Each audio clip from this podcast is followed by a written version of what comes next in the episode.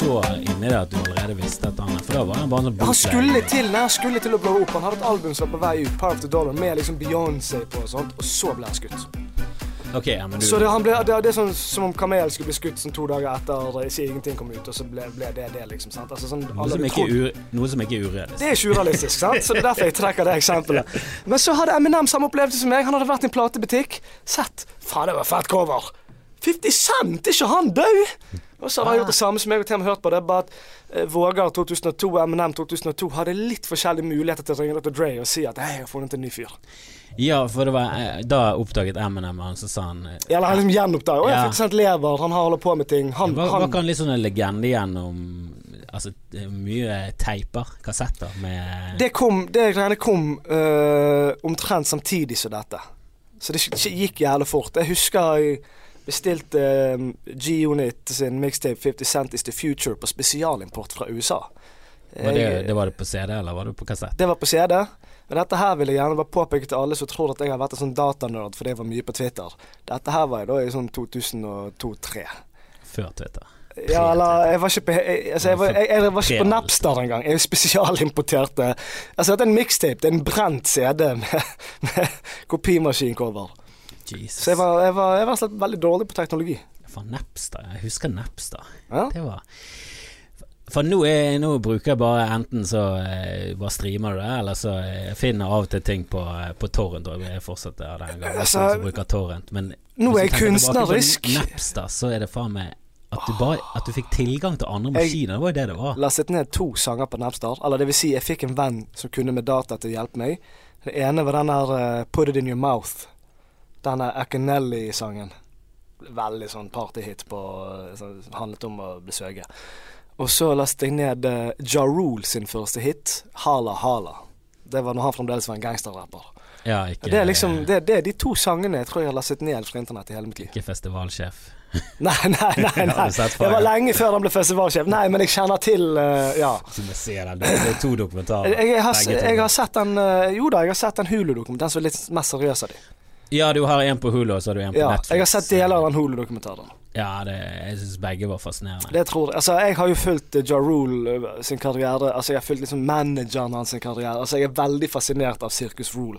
Og hvis du lytter på, har sett eh, en eller begge Fire-dokumentarene og syns Ja Rule var en artig og fascinerende karakter, så anbefaler jeg å bare gå litt tilbake i tid. Les litt om hvordan Ja Rule og vennene hans prøvde å drepe 50 Cent, hvordan 50 Cent ble verdens største rapper, og bestemte seg for å bare ødelegge livet til Ja Rule. Senest i fjor høst, rundt Fire-tiden, så skulle Ja Rule spille en eller annen konsert på sikkert på et college eller noe sånt i USA. En arena som sikkert tar en sånn 4000-5000 mennesker. 50 Cent kjøpte de 2000 første billettene, altså radene foran. sånn at Ja. når Ja Rule skulle spille konserten sin, så var det da 200 meter til nærmeste publikum. Og det er liksom da 15 år etter de hadde beef. Det gjør én at jeg har veldig stor, fremdeles veldig stor respekt for 50 Cent. Og to oh, Ja Rule, nerd. Ja, men helvete. Da, da er du faen Det, det henger i, altså. Jeg, jeg, hører, på, jeg hører mye på podkast, og der, der drar de ofte frem Michael Jordan som en sånn tegn på sånn, ja. Ja. som en sånn tegn på sånn at bitterheten sitter i. For de snakker om eh, komikere som, som ikke fikk lov til å stå på Comedy Store. Og så, sånn som Seinfeld. Han fikk ikke lov til å stå på Ja, Comedy ja, ja. Store, og hun Mitzi Shore Ja, som en sånn eh, legende. Å, hør, jeg vet ja. Mitzi Shore er. Hæ? Hørte dere hun- det, lyttere? Hun er moren til Paulie Shore, for, for de som er fra vår generasjon. eh, Der han var en sånn stor eh, komiker på 90-tallet. Men moren hans er liksom en av gudfedrene. innen eh, Hun driver vel en veldig kjent scene for standup. hun drev den. Drev, gjør noe, ja, ja, ja, ja. Men Comedy Store Comedy i LA, som er liksom Og så var det sånn, hvis hun sa OK, du får lov, da kunne det være sånn Joey Diaz som mot all formodning får lov, men hun skjønte at Ja, hun, hun passet folk som var helt sånn crazy. Ja da, Altså, hun, hun sier nei til Seinfeld og ja, til Joey Diaz. Hun sier ja til en eller annen skizofren schizofren fyr Ja. som bare la ut om sinnssykdommen sin. Fordi at det var bra. bra. var, ja, hun Ja. syntes det var litt gøyalt interessant. Ja, ja. Men Seinfeld, nei, det ble litt for Det er Litt streit og, Og han hadde visst kjørt sånn, stått utenfor leiligheten hennes i bilen, sittet og sett på. Vet du Altså, hva? sånn- Noe sier meg at folk, folk i USA som heter Mitzi Jeg har en venninne som heter Mirzi. Jeg hadde aldri sittet utenfor leiligheten til Mirzi, hun er serber, da, eh, og spanet på hun. Men Mitzi Shore, du hører på det navnet. Hun kjenner garantert en fyr som heter sånn Frankie de Boot! Ja, Eller et eller annet sånt. Ja. er- Jeg tror er, jeg tror hun er jøde og Ja, fra ILA. Ja, ja, Jeg tror Seinfeld, Seinfeld skal være glad han kjørte sin vei etterpå. Ja, ja. Men Michael Jordan hadde visst, når han mottok en eller annen sånn pris en gang, så hadde han invitert en sånn annen fyr som var foran han i draftet ut fra high school eller noe sånt. Og så snakket han om en sånn Og han var før meg, og så liksom pekte han ned på han i salen som satt der. Og, sånn, og han hadde ikke gjort noen bra karriere. Han hadde liksom Ja, ja. Jeg vet faen hvordan karrieren hans var, men i nær, ikke i nærheten av Michael. Nei, som nei, var litt den største gjennom tidene. Men til og med da så, så klarte han liksom ikke slippe det. Men det er det som er så gøy med 50 Cent, sant? for i, i hiphop ser du så mye beefs. Men han fucker jo med alle som fucker med han. Ja, da, altså, The gjort det. Game sin karriere det- det det, har ikke gått sånn Men det er jo fantastisk. derfor han ble skutt eh, ni ganger. Det var jo av eh, folk rundt Ja Rule sitt miljø, da. Ja Rule var var, ikke pga. crack, det var nei, ja, ja Rule var pengekuen til de kriminelle folkene som skjøt 50 Cent. Og så overlevde 50, og så døde han kisen en uke etterpå, han som skjøt. Og så bestemte 50 seg for at ok, det her skal jeg få til, og så skal jeg i samme slengen da hadde John Rollins stor popkarriere. Så skal jeg ødelegge popkarrieren hans. Jeg skal ødelegge eh, prøveløslatelsen til han sjefen. Altså, jeg anbefaler folk å google dette her, for dette er sånn Game of Thrones-nivå på hevngjerrighet. Bare at det er veldig morsomt, for at 50 Cent har en veldig speis humor. 50 Cent er veldig undervurdert, både rapper og entertainer. Det skal være sagt. Ja, Jeg, jeg synes han jeg er ikke så inne i det, så det men jeg, jeg syns han hadde et par hits på rad som var litt sånn uh, Denne pimp-greien og alt det der. Ja, Den har ikke liksom, holdt seg. Var liksom ikke helt uh, Den har ikke, den har ikke holdt seg, men sånn som In The Club er jo en tidløs klassiker. Men jeg, jeg, jeg, jeg anbefaler å høre på albumene. Sånn, sånn for eksempel, han har en låt som heter Baltimore Love Story. Som, eh, som er mm, Nå blir vi veldig nerdete her, men det er jo litt tips til lytterne. Eh, Der snakker han om Altså, det er en sang om heroin, Baltimore, sant. Og der snakker han, han om Altså, han snakker fra heroinet sitt ståsted. Og det er en helt ufattelig ubehagelig sang, hvor 50 Cent klarer å beskrive liksom den utrolige nedrigheten i sånn sinnssyk fysisk og psykisk avhengighet av rus. Har han vært på eh, heroen? Nei, han Han virker som en fyr som ikke er så jævla på druggen. Nei, han er jo som pumpe... Ja, han, han selger det, men han Han, eh, han vokste opp med en, en Moren hans var en beinhard uh, kvinnelig gangster på, i New York på 70-tallet. Lesbe. Ja, det er ikke lett. Så, nei, og så ble hun skutt, og så, ja. Så han, eh, alt, alt med han er veldig sånn genuint, hvis du skal ta den gangsterrap-sjekklisten. Ja, han, han og så var han sjefen i nabolaget og alt det greiene der. Men, men han, han nå, nå Det som er så fett med 50, er at meg og Girson er formenn i 50 Cent Fanklubb Norge. uh, og det som er veldig gøy med 50 Cent, er at han, han, jo liksom, han gikk jo fra å være gangsterrapper, og så nesten død, og liksom mistet karrieren sin. Labelet bare droppet albumet, alt sånt som det, for han ble skutt. Så gjør han et vanvittig comeback, blir signet av Eminem og Dr. Dre i 2002. Det er ganske sånn, Da spiller du liksom på Manchester United i 2002, altså det er liksom peak. Og så selger han da, sant, får verdens største album, og altså, han blir jo liksom rapp-Michael Jackson plutselig.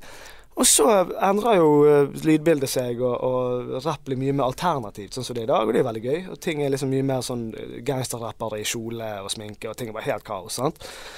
Som er kult å se. Ungdommen yeah. bryter ned våre kjipe gamle normer. Ja, Sånn, men 50 passer jo ikke inn i den tiden. Han- Lil Nas X eh, ja, ja, han er jo homo, sant? Og, og, og, og, ikke bare det, sånn beinharde folk som Young Thug liksom står i en kjole og snakker om å skyte deg i trynet med en AK, liksom. Sant? Og, og folk står bak og ja, vi mener det. Sant? Altså, det er jo fint å se på en rar måte.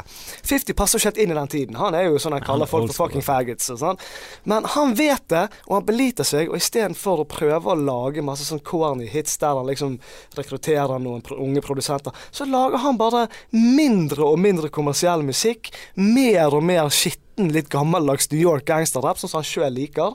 Og bare sånn Jeg kan jo selge 10 000 eksemplarer. Jeg har jo solgt 14 millioner av det forrige. Jeg driter i det. Jeg er rik, jeg. Og snart Og det jo er trenden, kult. snart går jo trenden tilbake igjen, og da er har jo han hele katalogen. har jo han holdt løpet gående, sant. Men jeg, jeg skulle ønske flere kjente artister, uavhengig av sjanger, tenkte sånn. Ja ja, det er dette jeg er best på. Dette er ikke inn nå. Pendelen kommer tilbake. La, jeg, lager jo ikke musikk for pengene lenger. La nå meg bare lage dette her for de hardcore fansen og meg sjøl Ja, og ja, altså, min. Pearl Jam var jo gigantiske. Og så eh, ville ikke de være så stor.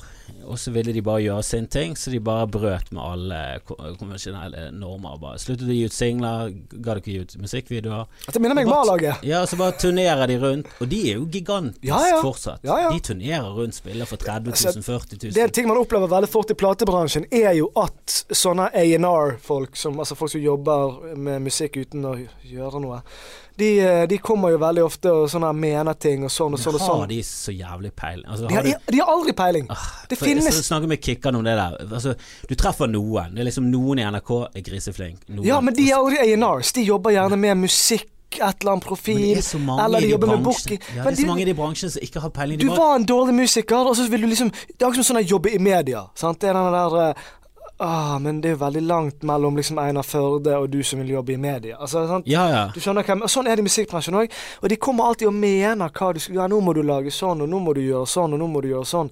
Og det dreper jo Det er jo det fine med internett. Det har jo snudd de greiene helt på hodet. Og de folkene har jo mindre. Nei, du trenger ikke det. Og det er blitt avslørt, sant. For de kom inn og bare viste det. Sitter en eller annen fyr på kontoret og teller på tallene. Ja, men du er i nar.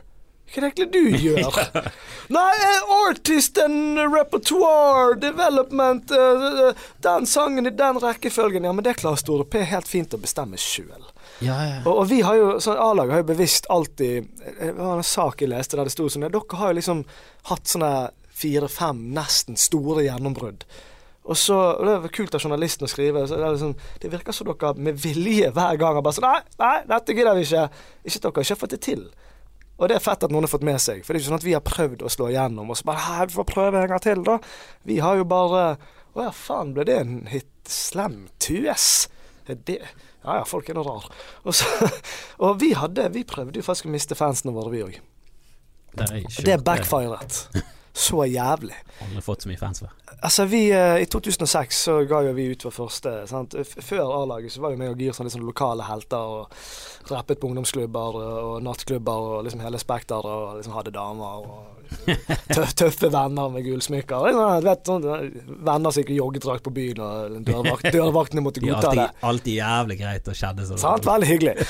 Og var liksom sånn klisjé lokale rappere. Sant? Eller sånn, ikke sånn klisjé sånn som rappere var i Stavanger og Trondheim, hvor de drev sånn breakdance og battlet hverandre. Men sånn litt sånn ekte klisjé-rappere. Og det var liksom sånn Ja ja, OK. Og så kom A-laget, da. Men vi møtte P, da. Stor P. Han var jo vanvittig flink. Og det var, dette er jo du er gammel nok til å huske Altså, dere ungdommer som hører på, tenker ja, rapp er jo stort i Norge. Mye bra norsk rapp. Du er gammel nok til å huske hvordan norsk rapp var før det ble noe man kunne høre på i det hele tatt. Altså, Men før var jo det Da rappet jo folk på engelsk. Tommy T Ja, det de, og det var liksom det beste. Ja, ja, Og det var men Warlocks, det alt, var- og, og det har jo ikke holdt seg veldig bra. Og alt under der igjen, Ja, ja, den, den skogen var mørk. Katastrofe. Og så begynte svenskene å rappe på svensk. Det, det var rart. det, var, ja, det var rart, men da begynte det å bli litt bedre. Ja, så var det skjedde, ja. Petter, Petter fikk meg til å begynne å rappe på norsk da jeg var sånn tolv år gammel. Og så var det Timbuktu. Da tror, da tror Han gjorde begge sånn, deler. Og da fikk du også litt sånn smaken på at Å, kanskje det går an på bergensk òg. Ja, jeg, jeg, jeg hørte Petter én gang, jeg, så, så, for jeg var liten. og Sånn Ja, han, tolv var- år. han var fet. Så prøvde jeg å rappe på liksom engelsk, fikk ikke det til, sant. Og så hørte jeg han på MTV, var besøkte min far i Finland, han har MTV. Så jeg bare Svensk? Så, den dagen, da bare begynte jeg å skrive i 98. Ja, så du såpass tidlig? Ja, Ja, ja, det, det, var, jeg- jeg- det var uhørt. Jeg var først i Bergen til å rappe på Bergen. Ja, for det var, det var alle mener det. spetakkel hei og hå, jeg var først. Ja, for De- spetakkel var de, de, he- første de, de, het, de het Verbally Vicious og rappet om Military Demons når jeg fremdeles rappet på norsk. Så det var meg. Ja, og. Gerson var vel med i den der eh, Loddefjord-gjengen. ja, og de var jo, han var på engelsk. Ja, men hva var det de het? eh? Nei, han var aldri med noe. Han var ikke med. Gerson var en sånn entity Det, det var Gerson og broren, Big Sexy. Ja, men de hadde jo en gruppe Freakshow. Freakshow ja. Men de, de, det var Lars og Jon Olav. Ja, og ja. Og så var det meg på siden, da, som bare på norsk og hadde beef med spetakkel. Men uansett, så, så Du hadde det, ja. Ja, jeg syns ikke det var bra, det de holdt på med. Og så jeg var jo han tolvåringen som sa det høyt. Jeg hadde jo mye eldre venner fra Sandviken. De var jo også vennene til Gaster, di, så de var liksom Vågar, kan du ikke lage så mye problemer? Men Du, du har eh, vært en som var interessert i beefe. Ja. jeg har alltid, jeg. Alltid vært veldig kon... Du må ha lov til å si Kjenner du mye folk fra Sandviken? Nei, jeg kjenner Daniel Simons altså, Ja, han, han er vokst opp i kvartalet ved siden av. Sandviken for meg er litt sånn sketchy neighborhood. Ja, Da jeg var var liten. Så var det hardt. Jeg husker jeg var på sånn TenSing-tur, og så var det andre koret. De var fra Sandviken, Ja. og de, var, de gikk på Rottøven, og de var beinharde. Når vi snakket med de, så var det sånn Ja, hva liksom eh, dealen her, da? Så var det sånn Nei, nei, vi går på Rottøven. Så sånn Ja, er det sånn mange som drikker og sånn? Da var vi akkurat i den perioden vi begynte å drikke, og de var sånn Ja, de fleste begynte Ja, du gjør jo det når du Begynte da du var tolv, liksom. Ja, jeg begynte da jeg var 11-12. Ja, jeg begynte å drikke røyken da jeg var 11. Det var Sandviken var-? Sandviken var Folk gikk sånn- med kniv på Ja, ja, ja, ja. Ungdomsskole i Bergen. Sandviken var sånn. Vi hadde eget politikontor. Nei, sånn. Beinhardt. Men, men det er tidlig du sier det, for i dag så alle ungdommene preiker med, så er jo Sandviken et litt snobbete Jeg, er nett, jeg har bodd der. Flyttet ja, jo nettopp tilbake inn til Fana Det er et pent sted. Ja ja, folk snakker jo fint der. Ja, Og ja, snakker- folk, snakker ungene snakker pen bergensk. deg. Ja ja. Når jeg var liten, så tok altså, folk tok fra deg jakken din hvis du snakket Ja, vi satte jo penbergensk. fyr på det. Ja, ja, ja. Kom det med jeg, vei, og. Og jeg er jo, jeg er jo, jeg er jo fra Rotteren. Jeg er fra Rotteren, så jeg er fra Sauges gate. Det er jo kjempefint. Nå er det helt altså, nydelig. Helt nydelig. Men det var jo jeg, jeg sånn arbeiderstrøk. Første gang jeg så Dan Simonsen ha en standup, var det på VGTV. og Da snakket han om bygården sin. Jeg er vokst opp i kvartalet ved siden av hans. Jeg vet, Og han så jeg på som en litt sånn stille nerd. Ja, men det er jo Ja ja, sant? men altså han er jo Men i en vanlig by da ville han vært kanskje litt sånn sløv med skateboard, men i Sandviken var jo han en sånn grei, streit fyr. Ja, ja. Sant? Jeg I forhold til de andre, han er vel kanskje fire-fem år eldre enn meg, så den generasjonen der fra Sandviken er, er det jo krutt i, da, kan du si. Ja, Så- er, når du treffer han, så er jo ikke han en sånn typisk Han er ikke en typisk Sandviken-fyr. Men ja, du hører jo på måten han snakker Ja, på altså han har jo den der sånn jo Jeg liker ikke å si bokstaven æsj helt tydelig. Det er sånn typisk Sandviken. Han er jo litt sånn hiphop, han liker å skate og Men han gikk ikke i buekorps og sånn, så da er du litt rar i Sandviken. Så Du, du er buekorps, det er Ja, ja, jeg er Matismarksgutt. Uh, til og med styrer styret i Eldre Matismarksgutters forening. For, for å si det sånn, de aller fleste eh, som jobber der jeg jobber i en lederstilling, har gått i buekorps. Altså For meg så er buekorps noe Bergen som vi må bare omfavne, men jeg skjønner hvorfor folk eh, fra Østlandet Jeg, klikker. jeg også skjønner det. Det er veldig bråkete, men det er gøy. det er det. Veldig, Men det, det, gals, det, det, veldig som jeg, galskap. Ja, og så er det sånn, du får jo Du fikser jo livet ditt. Veldig hvis- Bergen. Hvis du er lojal i bue En ting er å være en sånn fyr som går i eh, tre-fire år, og så slutter du. Men er du en fyr som går til du blir voksen, og så blir gamlekar, og du har vært offiser f.eks., og du har gjort en god innsats, så Altså, jeg har gitt folk jobb på én handshake. 'Jeg hører du var sjef i der og der det og det året. Jeg har hørt mye godt om deg. Nå kan du begynne.' Det er sånn du kommer frem i Jeg har aldri bommet da. Jeg har aldri ansatt en buekorpsgutt som ikke har gjort en fantastisk jobb. Andre ungdommer født på 90-tallet, de får jo panikkangst og medarbeidersamtaler. Buekorpsgutt 'Du, kan så faen så feiler det? Gå og gjør det og det.' 'Ja, jeg beklager, så gjentar jeg. Jeg skal fikse det.' Så det er, du lærer jævlig mye buekorps. Ja, det er fin egenskap. Lære seg det der. Og... Det er ikke voksne styrer det. Det er, det er, det er ungdommene sjøl som Du lærer deg hierarki og status. Du altså. lærer deg, Det er like, en sånn fin ting jeg liker å si. I en sånn moderne tid, individualistisk tid, så tror jeg alle ungdommer har godt av å lære seg å gå i takt to ganger i uken. Jo, men det er noe i det der. Å lære seg litt den der eh, Rett og slett bare Bare respekt for de over deg. Ikke på sånn negativ måte. Bare Nei, det at men sånn men han er over deg, ja. så jeg hører på han. Jeg Og bare han er under det. meg, men jeg har ansvar for han. For han. Kjenner du Tula og den gjengen der? Nei, Nei. Hva kull er du? Du kjenner ikke så mye spesielt folk. 77.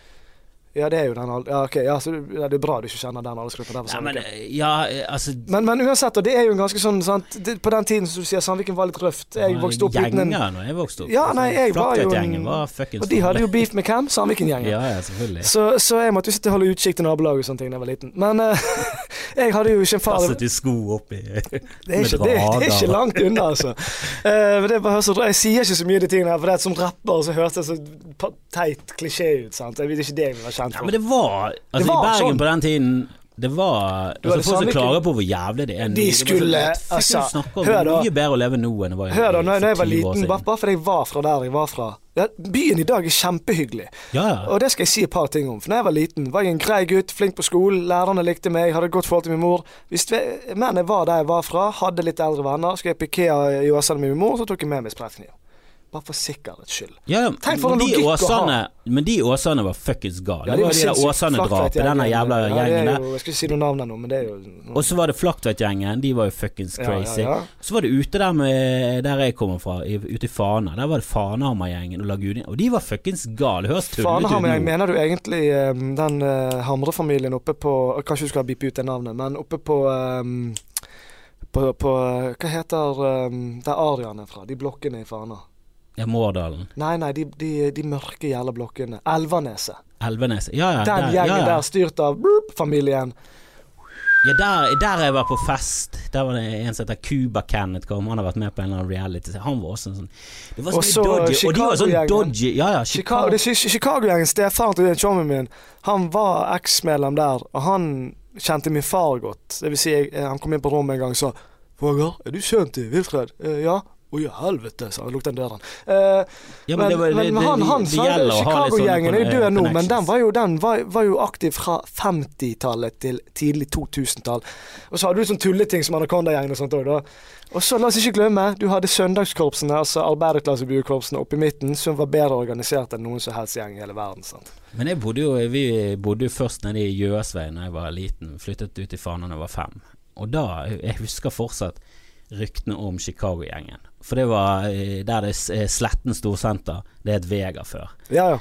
Og rett bak Vegard, der er jo Chicago-gjengen. Jeg har, Chicago- har noen gode venner fra Adolf. Og når vi var liksom i det området der, så måtte vi passe på. Da, Ja da. vi liksom være, og da var vi fem år, men allikevel var vi Første gang Jeg var alltid bare i Sandviken, sant? for der var jeg jo jævla good. Jeg var, Ja, jeg, det holder det i Ja, ja.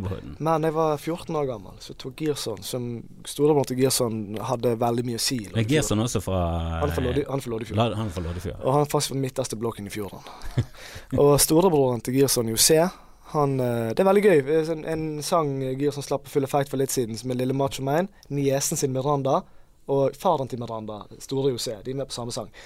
Så det- bergensk rap er noe for seg. Men da husker jeg at da var jeg i Loddefjord. Det var veldig fremmed område. Det, det er bare for å forklare ungdommer i Bergen at de må ikke høre på avisene og lærerne og politiet når de sier ting er gale. Det var gale. Nå er dere kjempesnille og greie, og dere banker ikke hverandre fordi dere bor to busstopp bortenfor.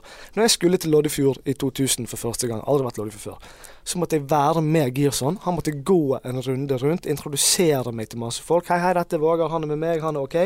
Ja. Eh, bort til hilse på broren, så broren òg Ja, alle sammen. Jeg er sjefen her i nabolaget. Han er OK. Jeg kan huske vi gikk over trappen i en høyblokk. Aldri vært i en høyblokk før. Hvor noia jeg syns det var å være en høyblokk. Jeg er fra en bygård. Sånn. Og, og jeg husker første gang jeg var i Løvstakken. Da var det Leo som tok meg med.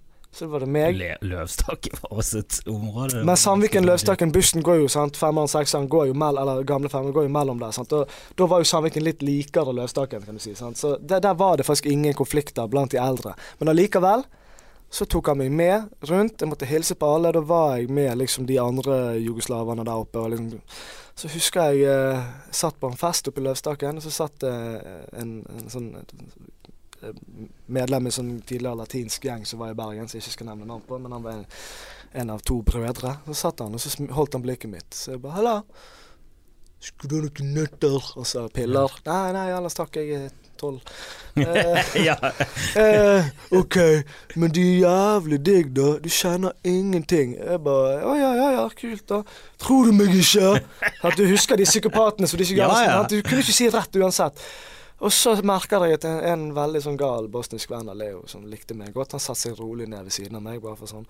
Og så ser du, jeg lover deg, du kjenner ingenting. Så dro han fyren med de pillene opp en kniv, og så bare begynte han å kutte seg oppover hele armen. Og sånne folk, sånne folk Ja, veldig aggressiv salgsteknikk. Nå var ikke det meningen du har det som getto spesial, men sånn var Bergen før ca. 2000 og et eller annet tidlig der. Det var en gjengby. Beint Og fram. nå må ikke folk misforstå, for det Ikke sånn USA, ja, Nei, folk nei, var han var ikke, han var ikke helt uh, The Wire, Nei, men din mor og min mor kunne gått i hva som helst bydel. Meg og deg måtte kanskje tenkt oss litt om før vi gikk inn i visse gater.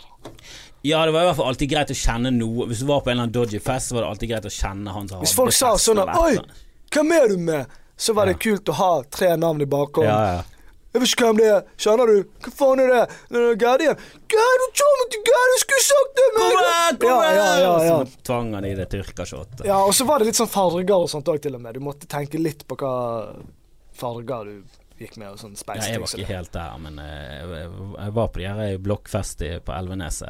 Jeg, Ja, ja. jeg ser på det litt som Mårdalen. Jeg har alltid kalt det Mårdalen, men det er vel Elveneset. Ja, jeg må ikke si det foran Arian og gjengen der. De er fremdeles Så veldig stolte. av der var det jævla mye Men det fine med. Sandviken jeg vokste opp, var at folk tok eh, Det var mye sånne ting. Så det er mye ulike Mye unge menn med høy voldskompetanse. Men folk tok veldig vare på Så, så jeg kjenner folk fra andre bydeler, så var det mye mer sånn her folk bøffet innvendig, utnyttet unge for mye I Sandviken så var det veldig sånn her Vi er fra Sandviken, vi tar vare på hverandre. Og jeg har opplevd flere ganger sånn oppveksten vært liksom eh, Ungdomskjæresten min hadde fest, noen kom opp der, folk jeg hadde beef med. Sånn, kniver og, opplegg, drapsforsøk og sånt. Og det bare uten at noen gjør noe, så bare plutselig er det 40-50 eldre folk der fra Sandviken og bare stenger ned situasjonen. Og det er en sånn veldig sånn vakker ting med Sandviken, så jeg har skjønt i voksen alder. Sånn var det ikke alle andre steder. Ofte, for eksempel for meg så var det sånn At det var veldig veldig lett tilgang på dop. Og jeg tror jeg røykte med første joint da jeg var 11-12 og begynte å drikke samme tiden. Sant? Og det, det, var ikke sånn, det var ikke noe rart engang. Jeg var flink på skolen. altså Det bare kom.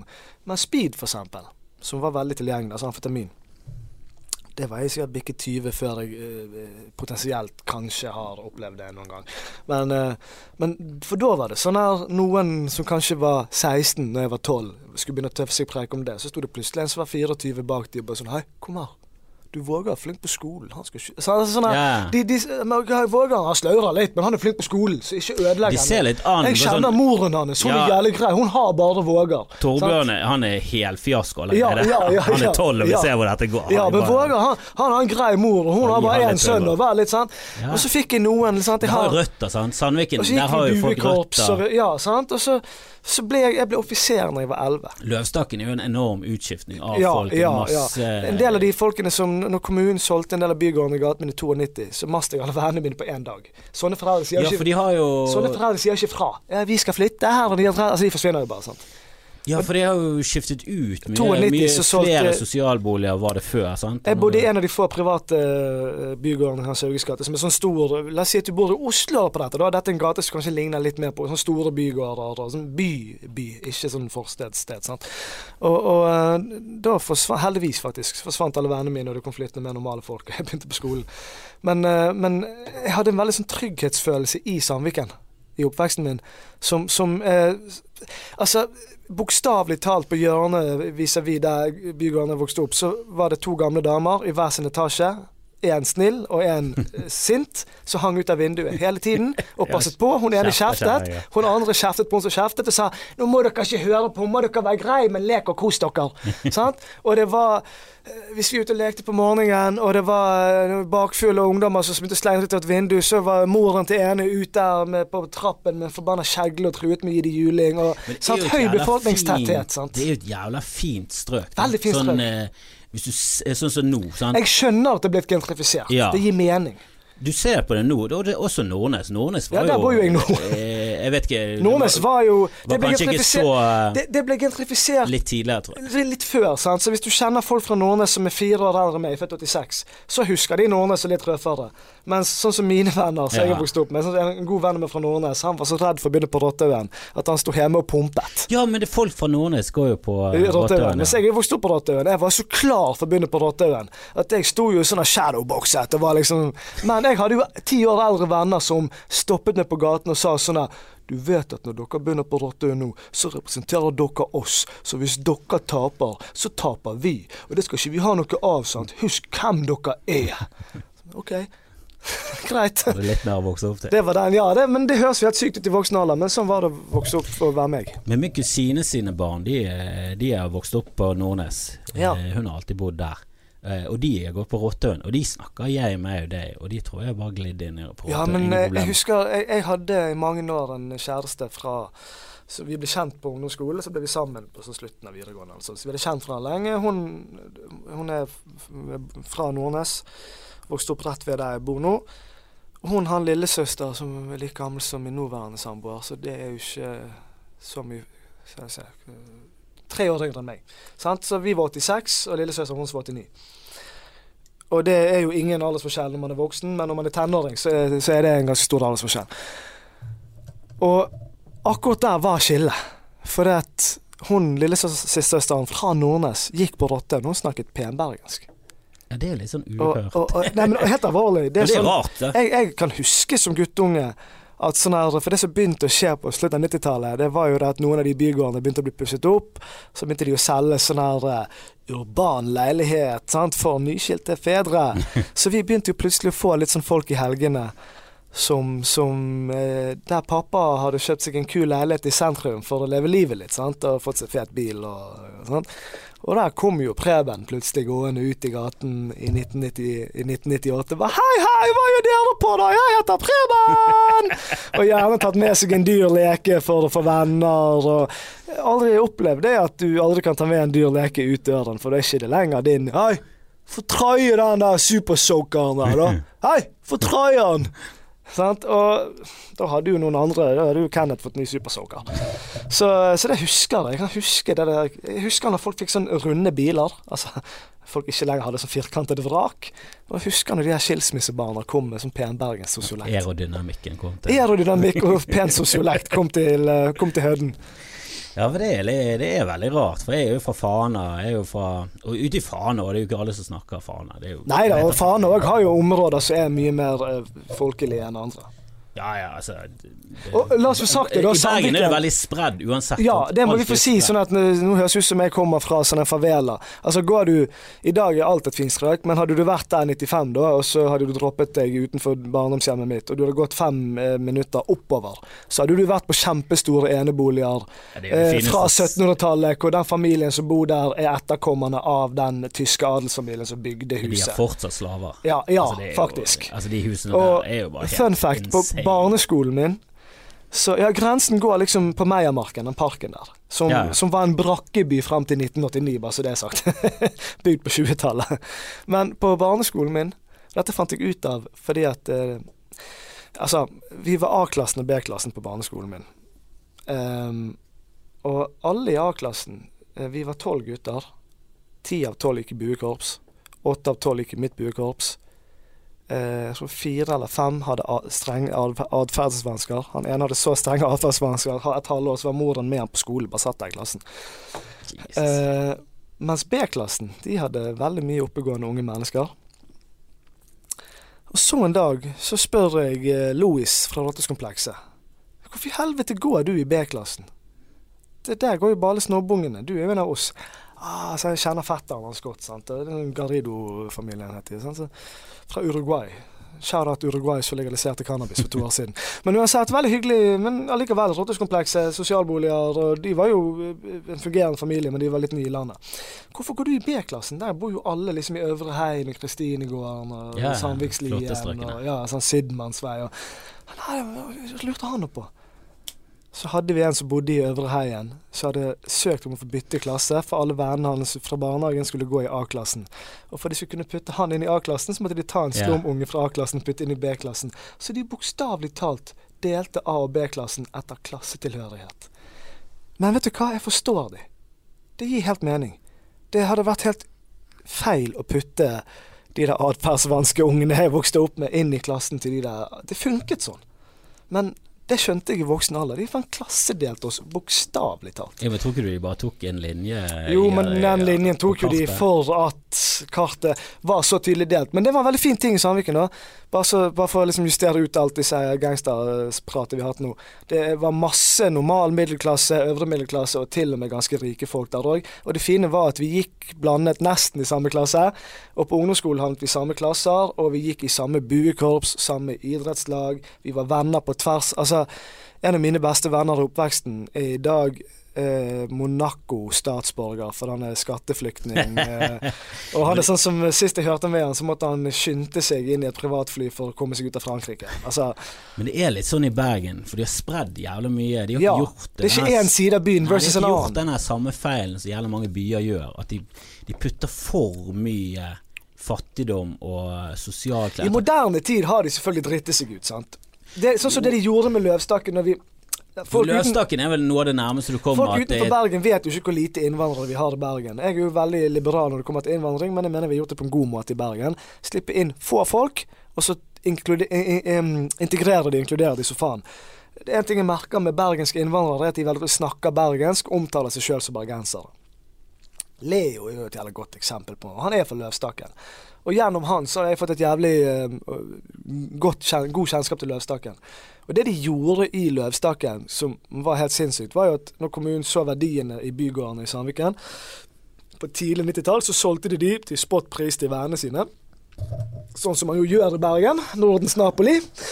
Og så sendte de de folkene opp i Løvstakken, og akkurat da så kom det veldig mye folk eh, til, eh, som FN sendte til oss, eh, bl.a. fra Balkankrigene. Veldig mange av de eh, høyt utdannede, oppegående vestlige mennesker fra et europeisk land.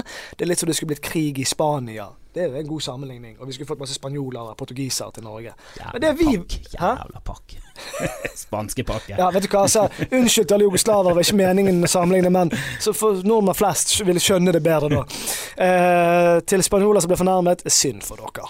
Um, Jeg har ikke lært dere språket. Nei, uansett, dere jobber på fisketorget og er slitsomme. uansett. Men eh, poenget var at det vi gjorde da, istedenfor å ta disse folkene her og så gi de normale jobber og være litt oppegående Vi gjorde én fornuftig ting da. Vi skilte serbere og bosniere i hver sin kommune. Det var lurt. Men, eh, men eh, vi puttet jo da, sånn som Leo for eksempel, han kommer fra en høyt utdannet familie. Hvis jeg, hvis jeg spiser middag eh, hjemme hos Leo, sitter jeg og diskuterer for meg eh, filosofer med moren, faren og søsteren. Liksom. De, de, altså, de er veldig vestlige, høyt utdannede mennesker. Blir de plassert i en oppgang hvor det liksom bare er speedfreaks og gamle alkiser. Og, altså, så vi, er som vi liksom måtte vi, det er som Norge prøvde sitt beste på 90-tallet å være like dårlig som svenskene på de greiene der. Men så stoppet vi heldigvis med det før det liksom fikk vokse ut av kontroll.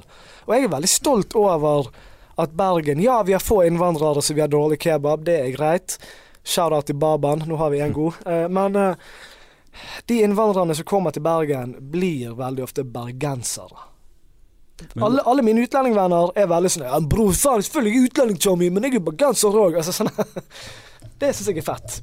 Ja, altså, men jeg, jeg vil jo tro at hvis du er Hvis jeg hadde kommet fra et annet land til, til et land hvis jeg måtte flykte, så ville jo jeg vært der de fleste var.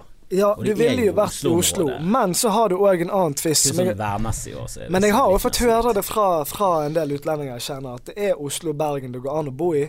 For Oslo er stort nok til at der er det nok av dine egne, nok av alt mye. Men Bergen er ganske chill. For det er det eneste stedet du møter nordmenn som preiker til deg og er frekk og tyter litt. Ja, men altså, jeg, jeg tenkte faktisk på det i går. Bare, sånn, faen, en rar rase, de som er hater utlendinger. Ja, Altså, for du hele skjønner det hvis du er jo fra- Det er jo bare utlendinger! på. Det er jo derfor Altså, Det er derfor byen er kul. Det er jo bare nederlendere, dialekten vår Dialekten vår Ja. er utlendinger som kunne kjøpe og selge ting fortere. Det er jo derfor vi er fetere enn resten av Norge. Familien min er trøndere. Onklene mine tror jeg er sint hele tiden. For jeg sitter sånn som jeg Du ser jo, jeg sitter jo og snakker med hendene. Det er jo bare, det er bare sånn vi preiker den byen her. Ja, jeg, jeg husker jeg traff dere på en, en BI-gig. Det, Det er på gamle, gamle, Ja, ja, lille, trange, svette BI. eh. Ja, eh, det var, det var BI i dag er jo en sånn stor, veldig nybygget, fancy skole. ja, Nå er det ganske sånn BI for 15 se- ikke år Ja. siden, det var noe annet. Ja, det var sletent, og nede en kro Det var en sånn kro, det var en studentkro. Det var en festskole. Ja, det var en festskole. Ja, det, nå har de blitt litt Nå har de blitt Nå har de begynt å nærme seg Nå, jussen. eh, nå må jeg snakke veldig fint om BI, for at vi er, er en veldig stor, eh, de er en veldig stor samarbeidsaktør for meg i utelivsøyemed. Men ja, nå, eh, det var, de, de, har, de holdt til litt, litt sånn slumstrøk nede i Bergen, som Ja. har blitt gentrifisert, greit nok. Det har jo flere, mest Ja, for strøk òg var ganske ja, dodgy. det var, det var Ja, ja, dodgy, ja. i hvert fall når de hang der. Ja, ja, ja. Og så eh, skulle vi gjøre en eh, gig sammen. Gunnar Greve var innblandet på et eller annet vis. Han var vel Eh, konferansier Ja, noe sånt. Han fra Spetakkel, eh, som var, eh, ja, du hadde startet beef med allerede. Men jeg tror, jeg, jeg tror jeg hadde en sånn Nå var det gått såpass lang tid og nå var det litt sånn ja. et, et, jeg tror han liksom skjønner hvorfor du hadde en beef. Ja. Jeg tror han liksom beinhardt eh, påstår at nei, nei, nei, vi skal, Vi også, vi skal også ha like Ja. mye respekt meg. Jeg tror han innså hvem, Ja, hvem som egentlig var holdt det mest ekte, da. Eh, men jeg var der som standup-komiker, totalt ukjent. Eh, slet. Bombe, bombe. Men dette er veldig tidlig, det, så jeg hadde ikke hørt om deg før. Nei, nei, nei. Og jeg, jeg slet. og jeg, jeg tror, tror jeg sa det til deg, at jeg var litt tøff i det. Det jeg husker du kom inn backstage, og så, kom du med For vi hadde hatt sånn grei tone før. Vi satt helt til backstage før. Og lykke til, og så gikk du Ja. ut, og så, så Eller backstage, det er vel kjøkkenet til BI sin gamle Du vet sånn som det pleier å være. Og så kommer du liksom litt sånn lettere åh, oppgitt i trynet. Sier du Sier det som du mener det. Liksom, Lykke til, gutter. Det er ganske tøff eh, Oss entertainere imellom. Det er ganske tøff crowd der ute.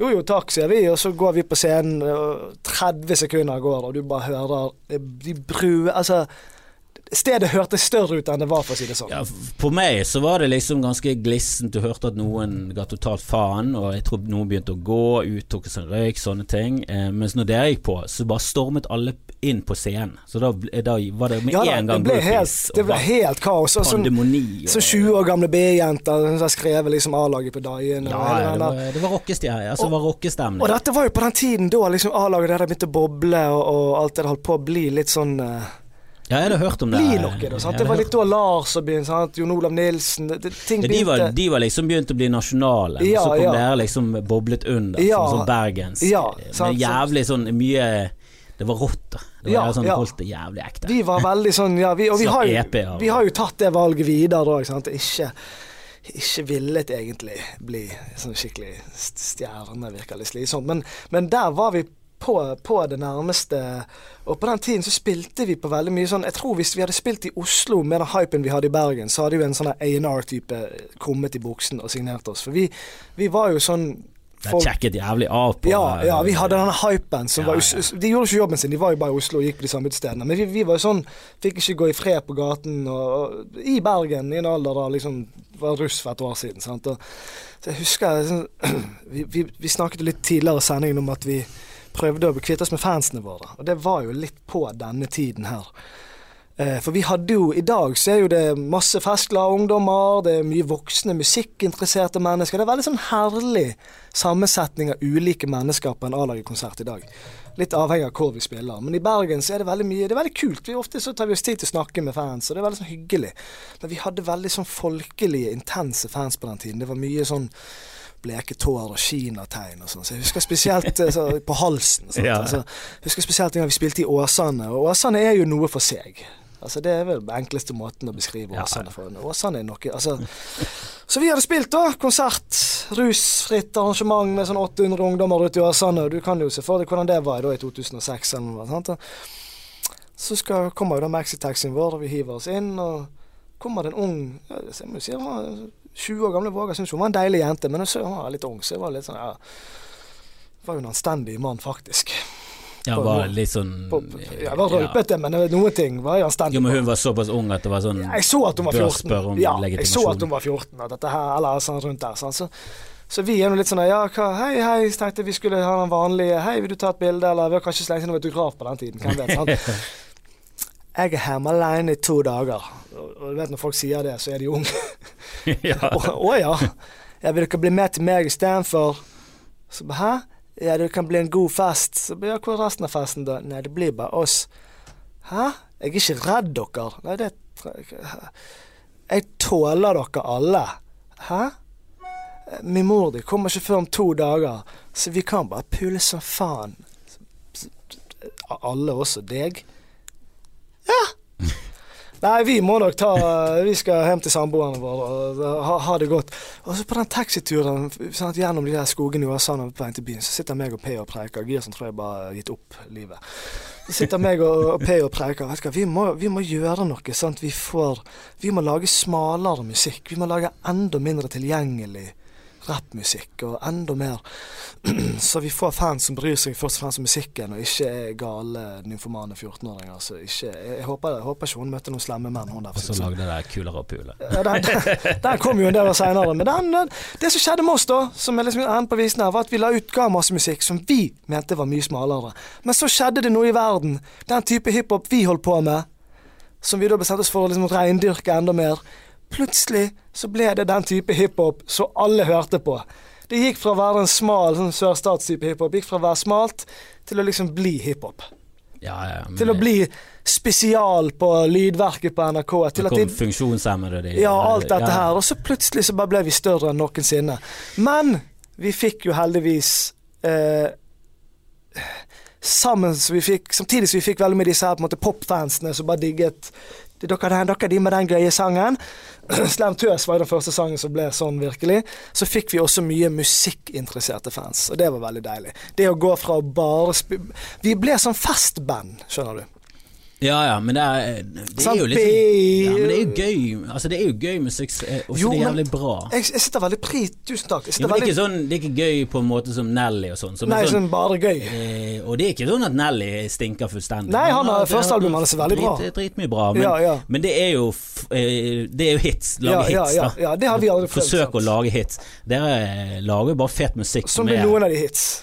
Ja, men ikke hits på samme På den- måte. nei, Ikke sånn topp 20 Og så er det helt tydelig liksom. at vi liksom har en musikalsk forståelse av det. Og det er musikken vi, vi, vi bryr oss om. Da, sant? Altså, Store P kan gå og lage en sang med Kygo, og det er fremdeles en veldig god Ja, sang. eh, sant? det er jo Ja, Mygo- overraskende Altså, det folk ikke vet folk, folk trodde jo eh, når jeg på Twitter hadde en sånn løpende greie med at folk, når folk disset Kygo, så var jeg hei, Kulan, det er lillebroren til chommien min. Mygo er chommien min. Så var folk sånn haha, det, nå lager du en sånn karakter Mygo. Mygo er chommien min, og det er storebroren til Kygo. Men Kygo er jo griseflink. Skamflink! Det, det, det er, husker jeg var pilen når Engel gikk ut. Ja. Skulle, skulle liksom, Engel har gått ut mot to folk han Ja. ikke burde gått ut mot. ene var meg, og andre var Kygo. men det er så, det er så Han er jo flau jævel, da. Men det, det var, ja, men eh, han har jo hatt masse kred, han har gjort det Ja da, i 1984, men der, er det sånn, så nå, der var det sånn fuck, nå har du Men han, det. han, han, jeg skjønte det når han i sånn 2001 eller annet skulle hause at nå kom spetakkel, og da ble hiphop den nye tingen i Bergen. Og da hadde Bergen et veldig levende undergrunnshiphop-miljø som var sånn type Lars Vaular og sånne ja, folk. Så hvorfor, hvorfor ga ikke han bare jobben sin til en ung person? Hvorfor, Ja. hvorfor må han sitte og være en sånn gamle Jeg vet du hva, bein fram, Engel. eh, eh, Du hører ikke på dette her, men det gjør kanskje nevøen din eller sånt. Jeg straight up hater deg, og jeg kommer til å bli en rik mann. Og av at du tok Anine Birkeland sin sak i BT og gikk til personangrep på meg uten å ta opp telefonen en gang og ringe til noen og gjøre noen research på å sjekke at jeg er 100 bow-wow ekte Kis real fyr, så skal jeg en vakker dag kjøpe Apollon og skal gjøre det om til en tropical house-klubb. Her kommer PS. Og vet du hva? Jeg hater både craft beer og vinyl. Uavhengig av deg. Så bare vent, Engel. Du skal sitte på gamlehjem og se at livsverket ditt blir om til sånn diskotek. Det er jo dette her vi snakket om i stad. Jeg, jeg, jeg, jeg fikk ikke sagt det i stad, men jeg, tror eh, bitterhet og aggresjon og hat Disse tingene her er veldig sånn pådrivere for Det det. Eh, gode karrierer. Da. Ja, det er det. Du, du ser jo, jeg sitter ikke her noe- noe ute av balanse. Jeg er helt rolig her nå, liksom. Ja, men det der Du driver det litt. Det der, det Du der husker, gir deg energi. Ja. Det der fyller opp batteriet ditt. Hatbatteriet begynte det å er, bli det er faktisk noe av det deiligste av å, å plutselig bli en voksen sånn mann som sitter i næringslivet. ja, og så, Men det så kan du gjøre man- det om til noe kreativt. Det er akkurat og det. det, er liksom- akkurat det. det er sånn, nå skal jeg på kontoret etterpå og løse problemer som gagner folk. Jeg skaper arbeidsplasser og alt mulig. Sant? Og, og Istedenfor liksom gå og være en sånn, sånn voldskriminell og sånt, så kan man heller sitte og tenke en vakker dag så skal jeg gjøre det der opp til kjipt diskotek. Så Ja, tjener ja. jeg masse penger på, og han kommer til å hate det så jævlig. Ha-ha, vi skal selge amerikansk Budwiser. det, det, det er sånn som kan få det opp om morgenen. Du Ja. du er litt sånn åh, fuck, det regner, det er sommer, for en møkka som meg, jeg skal bare være i sengen. Nei, jeg hater engel. Ja, jeg skal opp og kjenne det opp. Jeg skal faen opp og kjøre livet surt for den gamle svulsten av en mann. Gamle svulsten! Men Det var godt sagt. Ja, men han er, jeg, mistet respekt for han, han eh, disset Kygo. Ja, for det er ja. sånn, her har vi en fyr som har plutselig bare blitt en av de største popstjernene. Fra gutterommet. Fra gutterommet. Og så gjort gjør han det på egen hånd. og gjort det på en veldig fin Ja. måte. Og lager eh, ekte musikk eh, som han har Han har vært med å definere Han- en helt ny og- sjanger, Det liksom. det er det. Og, og, og hvis du hører på og det er bra håndverk. Selv om det ikke er din stil, så er det din bra greie, håndverk. så er det jævlig og jeg, jeg driver jo blant annet en, en, den største Altså, Riks visste på noe er større, men det er jo ikke en vellykket klubb, og det går ikke så bra. Mens, mens Det er eh, løgn og bak, bak eh, Det er baksnakk. Nå snakker vi om selve klubbdelen, ikke, ikke, ikke når du gjør shows. Det går veldig, jeg er veldig for bra. gammel for alt, så jeg driter Men. Natt er jo en kommersiell klubb og går veldig bra. Og når du ser liksom når man spiller Kygo for eksempel, på, på den klubben, så er jeg glad for at ungdommer hører på den musikken. For dette er positiv og sunn musikk som er godt produsert. Det er god lyd, og det er solid pop. Og så skaper det en veldig god vibb i klubben. Du ser at den musikken er med å gi folk minner. Du ser folk danser og er glad. Du ser folk treffer hverandre. Folk som er i den alderen at de var liksom på ungdomsskole, videregående, tidlig voksenliv med denne du-du-du-du-du happy Kygo-synten. De kommer til å ha veldig mye gode minner til den tiden. Tenk deg min Jeg, jeg tenker bare Hva hørte jeg på da? Bare sånn her eh, bare hat, sant. Altså, mye hyggeligere og, Og så er det en helt annen klasse og kvalitet enn f.eks. Sommerkroppen til Mats Hansen, som er sånn det kan du skrive Det kan- ja, for det er det er boss, bare det er trist, boss. trist at dette her det, det, igjen det at. Engel som en musikk, såkalt musikkjenner ikke evner å høre en sjanger som er langt unna det han har peiling på, men Kygo er så bra. Altså Kygo slapp i går en singel med Whitney Houston, og det gir mening. Ja, Sant? Men jeg husker jeg, jeg traff Ole Reinar Berg Olsen, Orbo. Han er jo eh, også i en sånn sjanger av musikk som ikke er sånn superfan av, men han driver med litt sånn eh, country-opplegg, og er jævlig flink på det, da. Så traff jeg han på gaten, snakket med han. Eh, han bare Å, jævlig mye på Kygo for tiden. Ja. Faen så jævla god. Ja. Faen så jævla flink han er. altså. Dødsflink. Og han hører Altså, han er en countryartist. Ja, ja, men sånn, han hører Kygo, og, og, og, han er faen og du hører jo disse her eh, Kygo-kopiene. De er jo ikke på nærheten av samme Nei, så hvordan han lagde musikk, og det var sånn Det var så mange hundre Altså, i det bi- lydbildet så var det flere hundre spor. Det var jævlig fett. var Jeg satt, jeg satt, jeg satt i kåken min med Leo en gang, og så kom Mygo på besøk. Eh, Det høres jo litt tullete ut. Ja, jeg skjønner at folk tror det sånn, men Mygo, Mygo uh, Altså det andre kaller han seg Kjøttgaupen, så vi velger Mygo. Så kom, eh, kom eh, Mygo på besøk. Gaupe er så herlig. Ja, iallfall en kjøttgaupe. Kjøttgaupe. Så kom uh, han Skuddfinten, kaller han folk for. Men iallfall uh, kjært barn og mange navn. Mygo kom på besøk, og så begynte vi å preke litt om disse her andre kopifolkene. Og da så jeg liksom Leo, gategutten i Leo kom fram. Mann, du må ta det på alvor, mann. De fucking jacker din bror. De jacker stilen. Det er det samme som å ta pengene ut av munnen på ham, mann. Bare si fra hvis du trenger hjelp til å ordne opp i dette. Jeg kjenner mye advokater og alt mulig. Han der jævla Matoma, vi kan stoppe han i morgen, mann. Slik at han skal hente gategutter. Det er liksom Jeg kjenner advokater, Ja, businessfolk, Ja. ja. peiling. Matoma, eller man ligger lavt. Eller, ta de på plagiat. Disclaimer, jeg vet ikke om det var Matoma, nå bare sa jeg navnet på en som er i samme sjanger. Men altså, og det var akkurat da det var, kom så mye kopier. Men jeg syns det var veldig kult, jeg, at det ble liksom Stor P og Det skjedde veldig naturlig, dette. sant? Og, og Kygo er jo gammel A-laget og Stor P-fan. Han er jo den Det skjedde jo også noe rart rundt 2010-2011, hvor plutselig Fana-ungdommen ble veldig A-laget-fans. Det er pga. Eh, et par russebusser. Jeg er blitt venner med noen av de guttene der, de er jo voksne i dag. Et par russebusser som bare ble så jævla A-laget-fans at vi bare ble sånn jeg, meg, deg. Så det var, vi spilte på sånne her, eh, Ja, palasser på sånn private 18-årsdager. Så Men det liksom, har jo alltid vært en greie. Altså, Hei, vil dere være med oss snart, MDMA? Så nei, nei, nei, du er 17. Vi, vi skal bli kjørt hjem av moren hennes, vi nå. men gangsterrapp, altså når de startet NWA jo sånn Det de tjente mest penger på, er jo hvite. Det er jo der. Ikke bare hvite, hvit middelklasse. Ja, hvis du liksom kommer det inn i den hvite middelklassen, og de omfavner det, for det er de som er Men sant, vi er jo akkurat Det er de som har penger, det er de som òg uh, syns det er eksotisk nok. sant? Eh, en eller annen fyr fra liksom litt samme bakgrunn som meg kan jo tenke sånn der Ikke du våger, han har ikke ham med gjennom Fladen, og du fuck han altså, mens, mens en eller annen fyr så, litt, Jeg skjønner det godt. Jeg står i Norge og hører på folk fra Baton Rouge snakke om systemisk rasisme og våpen. liksom. Det er jo veldig eksotisk. Du er jo ja, du er jo jævla inne i greiene. Når, Ja, ja. når begynte du liksom å, å komme liksom dypt inn i rappen? Jeg, jeg var Eller jeg var Hva sier man egentlig? For jeg, Jeg sier rapp. Jeg hiphop. Jeg hø- høres Ja. det dårligste navnet på sjanger noensinne. ja, for jeg føler så jævla Metall, punk, rock, funk, jazz, sånn death metal og sånne ting. Hiphop, Ja, for jeg hører så eh, bebop Jeg, eh, hører- altså. jeg syns det høres amatør ut. Høres helt Altså, tullete ut. Du driver jo med sånn hiphop. Ja, nei, eh. nei, uff. Jeg, jeg, jeg, da ser jeg for meg sånn Criss Cross og jeg, jeg, jeg ser for meg sånne, her- de folkene som har sånn her danseshow på DNS. Ja, breakdance. Ja, ja, ja, ja. Sant, så ja, så. More success to them, men jeg er ikke samme gjengen. Nei, jeg kaller det for rap. Nei, jeg var ti år gammel, og eh, så eh, Altså, da var jo rap veldig eksotisk i Norge. Folk kalte jo det for sånn nigger. Ja, hvor gammel, ja, hvor gammel Jeg er født i 1986, så 1986, midten av 90-tallet. Ja. Så det er typ når Gangsters Paradise så, altså, De første rapplåtene ble hits i Norge på den tiden. Men okay, det, ja, det var- er fremdeles sånn for dere unge lyttere at folk sitter på TV og sier neger. Altså, jeg er jo så gammel at vennene mine sier ofte neger, de òg, det er ikke det. Men folk satt liksom på TV og var politikere og sa liksom neger, og sa Ja, nå, nå skal vi høre noe spennende negermusikk. Altså, eh, det var en veldig rar tid. For dere som er født rundt den tiden etterpå. Så det, det, det, Det er så var rart at det var Norge så var- normalisert på den ja, sånn, tiden. og så sånn som vi ser på Øst-Europa, kanskje. Sant? Så litt nærmere. Vi var liksom hang etter resten av verden, da kan du si.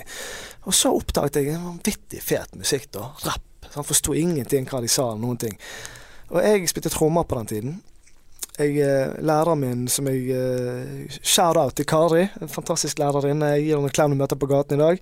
Hun sa en gang til meg når jeg møtte meg på butikken og jeg slo gjennom som musiker Hei, jeg måtte bare le. Jeg håper ikke du blir fornærmet, men du skjønner hvorfor jeg ler av at du ble musiker, for jeg er tonedøv. Så jeg tenkte at jeg er dårlig i fotball, jeg er veldig dårlig å slåss, men jeg har alltid vært kjent for å være kjapp i kjeften. Det er sånn jeg overlevde det nabolaget her, for det var jo et nabolag du helst burde kunne slåss i. Så altså, jeg, jeg kunne jo Jeg var flink å få juling uten å være en bitch. Det var liksom sant Men så slenge en drit. 'Au, faen, du er stygg!' 'Au, faen, er det sånn de far pleier å slå deg?' 'Au, faen!' sant? Altså, Så tenkte jeg rapp, dette er jo ikke det her er jo rytme. Rytme, det kan jeg. Jeg kan jo West Så tenkte, jeg, så tenkte jeg Dette er 96, dette er helt sant. Jeg vet ikke om jeg har sagt det offentlig noen gang før, men jeg tenkte som følgende. Jeg var en jævlig kåt unge. Jeg, jeg skal bli en sånn mann som har pult my, altså puler mye damer. Det er egentlig det eneste jeg bryr meg om. At jeg skal bli så voksen. Jeg skal være han kule fyren som har pult damen til alle. Da må jeg bli kjent på en eller annen måte. Jeg kan ikke fotball. Jeg kan ikke slåss. Jeg er for ung til å begynne å bli kriminell. Jeg sier litt om hva fordeler man hadde. Men sant, det var jo Jeg er elendig i all idrett. Jeg er tonedøv. Jeg er god til å spille trommer, men trommisen får han så mye damer, da. Rapp! Rapp! Jeg tenkte jeg husker, jeg tenkte så følgende. Nå er jeg ti. Hvis jeg nå begynner å rappe, så er jeg kjempeflink til jeg begynte å bli voksen. Så da kan jeg bli en støt rapper. Så da får jeg alle damene Ja, ja, ja. Så da får jeg alle damene. Og da jeg var 15-16, så hadde jeg en kjempeflott kjæreste. Var en av de kule på skolen. Var liksom han Ja, kisen. da var du allerede begynt. Tjente penger på rapp. Sant? Fikk en tusenlapp for å spille på en fest. Altså, sant? Jeg, har aldri, jeg har aldri hatt en sommerjobb. sånn. Levd av forskjellige ting, men stort sett rapp. Rapp for hovedtingene min. Så Leo beatboxet, og Chris Cash DJ-et, og jeg rappet, liksom. Sant? Og jeg var 14 plate. Leo beatboxet. Ja, ja, ja. Han var manager, sant? så da fikk du litt penger. Så- Faen, og så- jævlig entreprenør. Veldig god. Han er den eneste jeg kjenner som har lurt en sigøyner for gull, men den historien får du spørre han om. Å ja, Eh, faen, jeg må få Leo eh, Jeg skal, jeg skal ta hjelpe deg med det. Han, Ja. er, han er hyggelig, han liker deg òg, så det skal vi få til. Men det, da husker jeg sånn, ok, dette skal bli god i. Og så ble jeg jo jævlig god i å rappe, sant. Så begynte jeg å Og så bare skjedde det så mye ting. sant? Fikk jeg liksom beef med alle folk. Kom liksom store gutter i nabolaget bort til meg. Våger jeg hører folk disse deg. Jævlig bra det svaret ditt. Husk at når du svarer, så svarer du på vegne av hele Sandviken. Altså, sånn, Plutselig så ble jeg jævla kul. Fikk meg en kjæreste og greier. Folk fra den bydelen hun var fra, prøvde å stabbe meg for jeg ble sammen med hun deilige på skolen. Jeg følte at planen funket. Og så begynte jeg jo selvfølgelig å bli glad i det òg. Og så ble jeg venner med liksom sant Leo først. Viktigste fyren i det hele av alle sin karriere. er han, Leo Han er tre år eldre er eldre enn Men jeg er vokst opp med sant, veldig mye Ja, Du hang, hang med mye Jeg var sånn som hang med folk som var ti år eldre enn meg. Og veldig vært sånn. Og hang med mine folk som var to år yngre enn meg òg. Men Sandviken var veldig sånn alle hang med Jeg har jo gått i bukorps, så alle var jo liksom i Så ble jeg kjent med sant, sånn Lars og, og liksom Mike T, hele gjengen der. For Lars han er fra Åsane, ikke Ja. Første gang han sa at han var fra Åsane, så trodde jeg han køddet med meg. Så jeg lo, klappet han på skulderen og gikk. For det er jo rart, han er fra Åsane, og han er jo fetteren til Sondre Lerche. Han var jo sånn eh, ja, ja, han er jo fra Mårdalen. Han er ikke fra de der Elvenes-blokkene, han er fra Han høres ut som han er litt sånn snobbete i Nei, nei, nei, han er fra noen oh, ja. ganske Han er fra som lavblokker i Mårdalen. Ok, på etternavnet høres så Ja, de har litt fancy Ja, for Lars er ikke noe snobb i det hele tatt, men han er fra en veldig sånn sunn og god familie. Han heter jo Sondre Vaular Lerke. Ja, Eller Lerke, Lerche Vaular. Vaular. Nei, han, ja, ja, ja, og så heter Lars heter Nesheim Vaular. Ja. altså. Så Men- Lars har litt gamle foreldre fra landet, så han er veldig, Lars er en av de mest veloppdratte menneskene jeg kjenner. Ja, han virker jo superhyggelig. Er sånn Men Leo, Leo er det beste mennesket jeg kjenner. Ja, men han har bare hørt Leo er, Leo er han, han er sånn du kan være de speiseste miljøene, og så eh, Altså, jeg, Han er, han er vel sånn som glir inn for nesten alle. Overalt. Altså, Jeg, jeg, altså- hadde, jeg hadde besøk av en venn en gang. Så sitter meg og noen av de roligste vennene mine, veldig snille gutter. Så vi sitter og tegner. Jeg har jo mine nerdevenner òg, så jeg li- jeg liker jo tegneserier og sånt. Så jeg sitter liksom i et rom med bare nerder. Så kommer han vennen min på besøk, og han tar med seg en fyr som ikke han har sagt at han tar med seg. Og han, da opplever jeg noe jeg aldri har opplevd før. Han var ganske ruset. Han er går fint med det i dag, vi har squashet beefen. Så begynner han å slenge drit om Leo. Og så ender det med at han blir eskortert ut av fire nerder. Så bare sånn, du, vet du hva, dette holder ikke. Du må gå herfra. Det er ganske bra. Det er det som ja, tegner. ja, bare, Leo Ajkic sa du, nei, det et sted går grensen. For jeg har jo sett Det liksom, typiske folk eh, sitte ned foten. Men han er liksom likt blant Ja, legger ned blyanten. Nei, nå, nå ødela jeg nesten skyggen. Men han er liksom likt av alle. Leo er liksom Prøv å gå over Torgallmenningen med Leo. Altså, før Leo ble kjent, så tok det en time å gå over Torgallmenningen. Ja, Han, han, han, er, han er så godt likt, og han Så sympatisk som han virker på TV, så sympatisk er han på ekte. Bare litt til, for han kan være seg sjøl helt.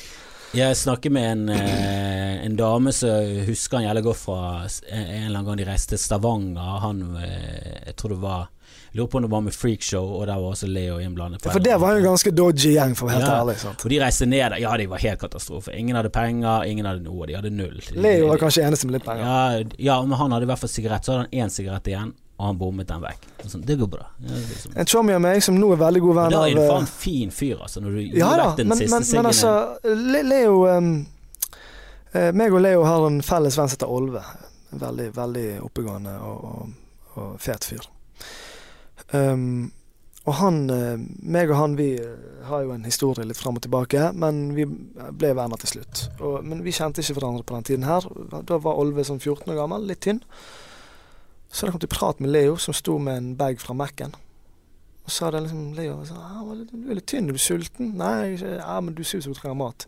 Så Olve sitt første minne av Leo er at Leo på åpen gate åpner Big Mac-boksen, river burgeren i to, så gir han han halve burgeren.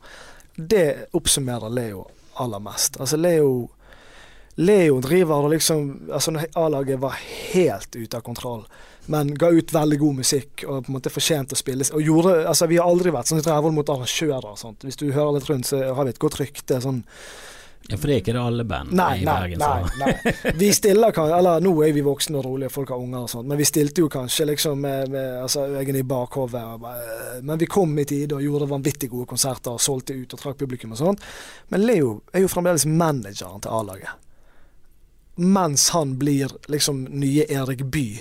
Nei, nei, men det er jo vennene mine, noen må gjøre jobben, og dere er jo helt på Ja, bæret, så hvem andre skal gjøre det? Blir jo Ja, meg. det er en moderne Han- eh, han- Erik Bye. Han er jævlig han er, han er jævlig Han har veldig like egenskaper som Erik Bye. Ja, han klarer liksom å få folk til å åpnes opp.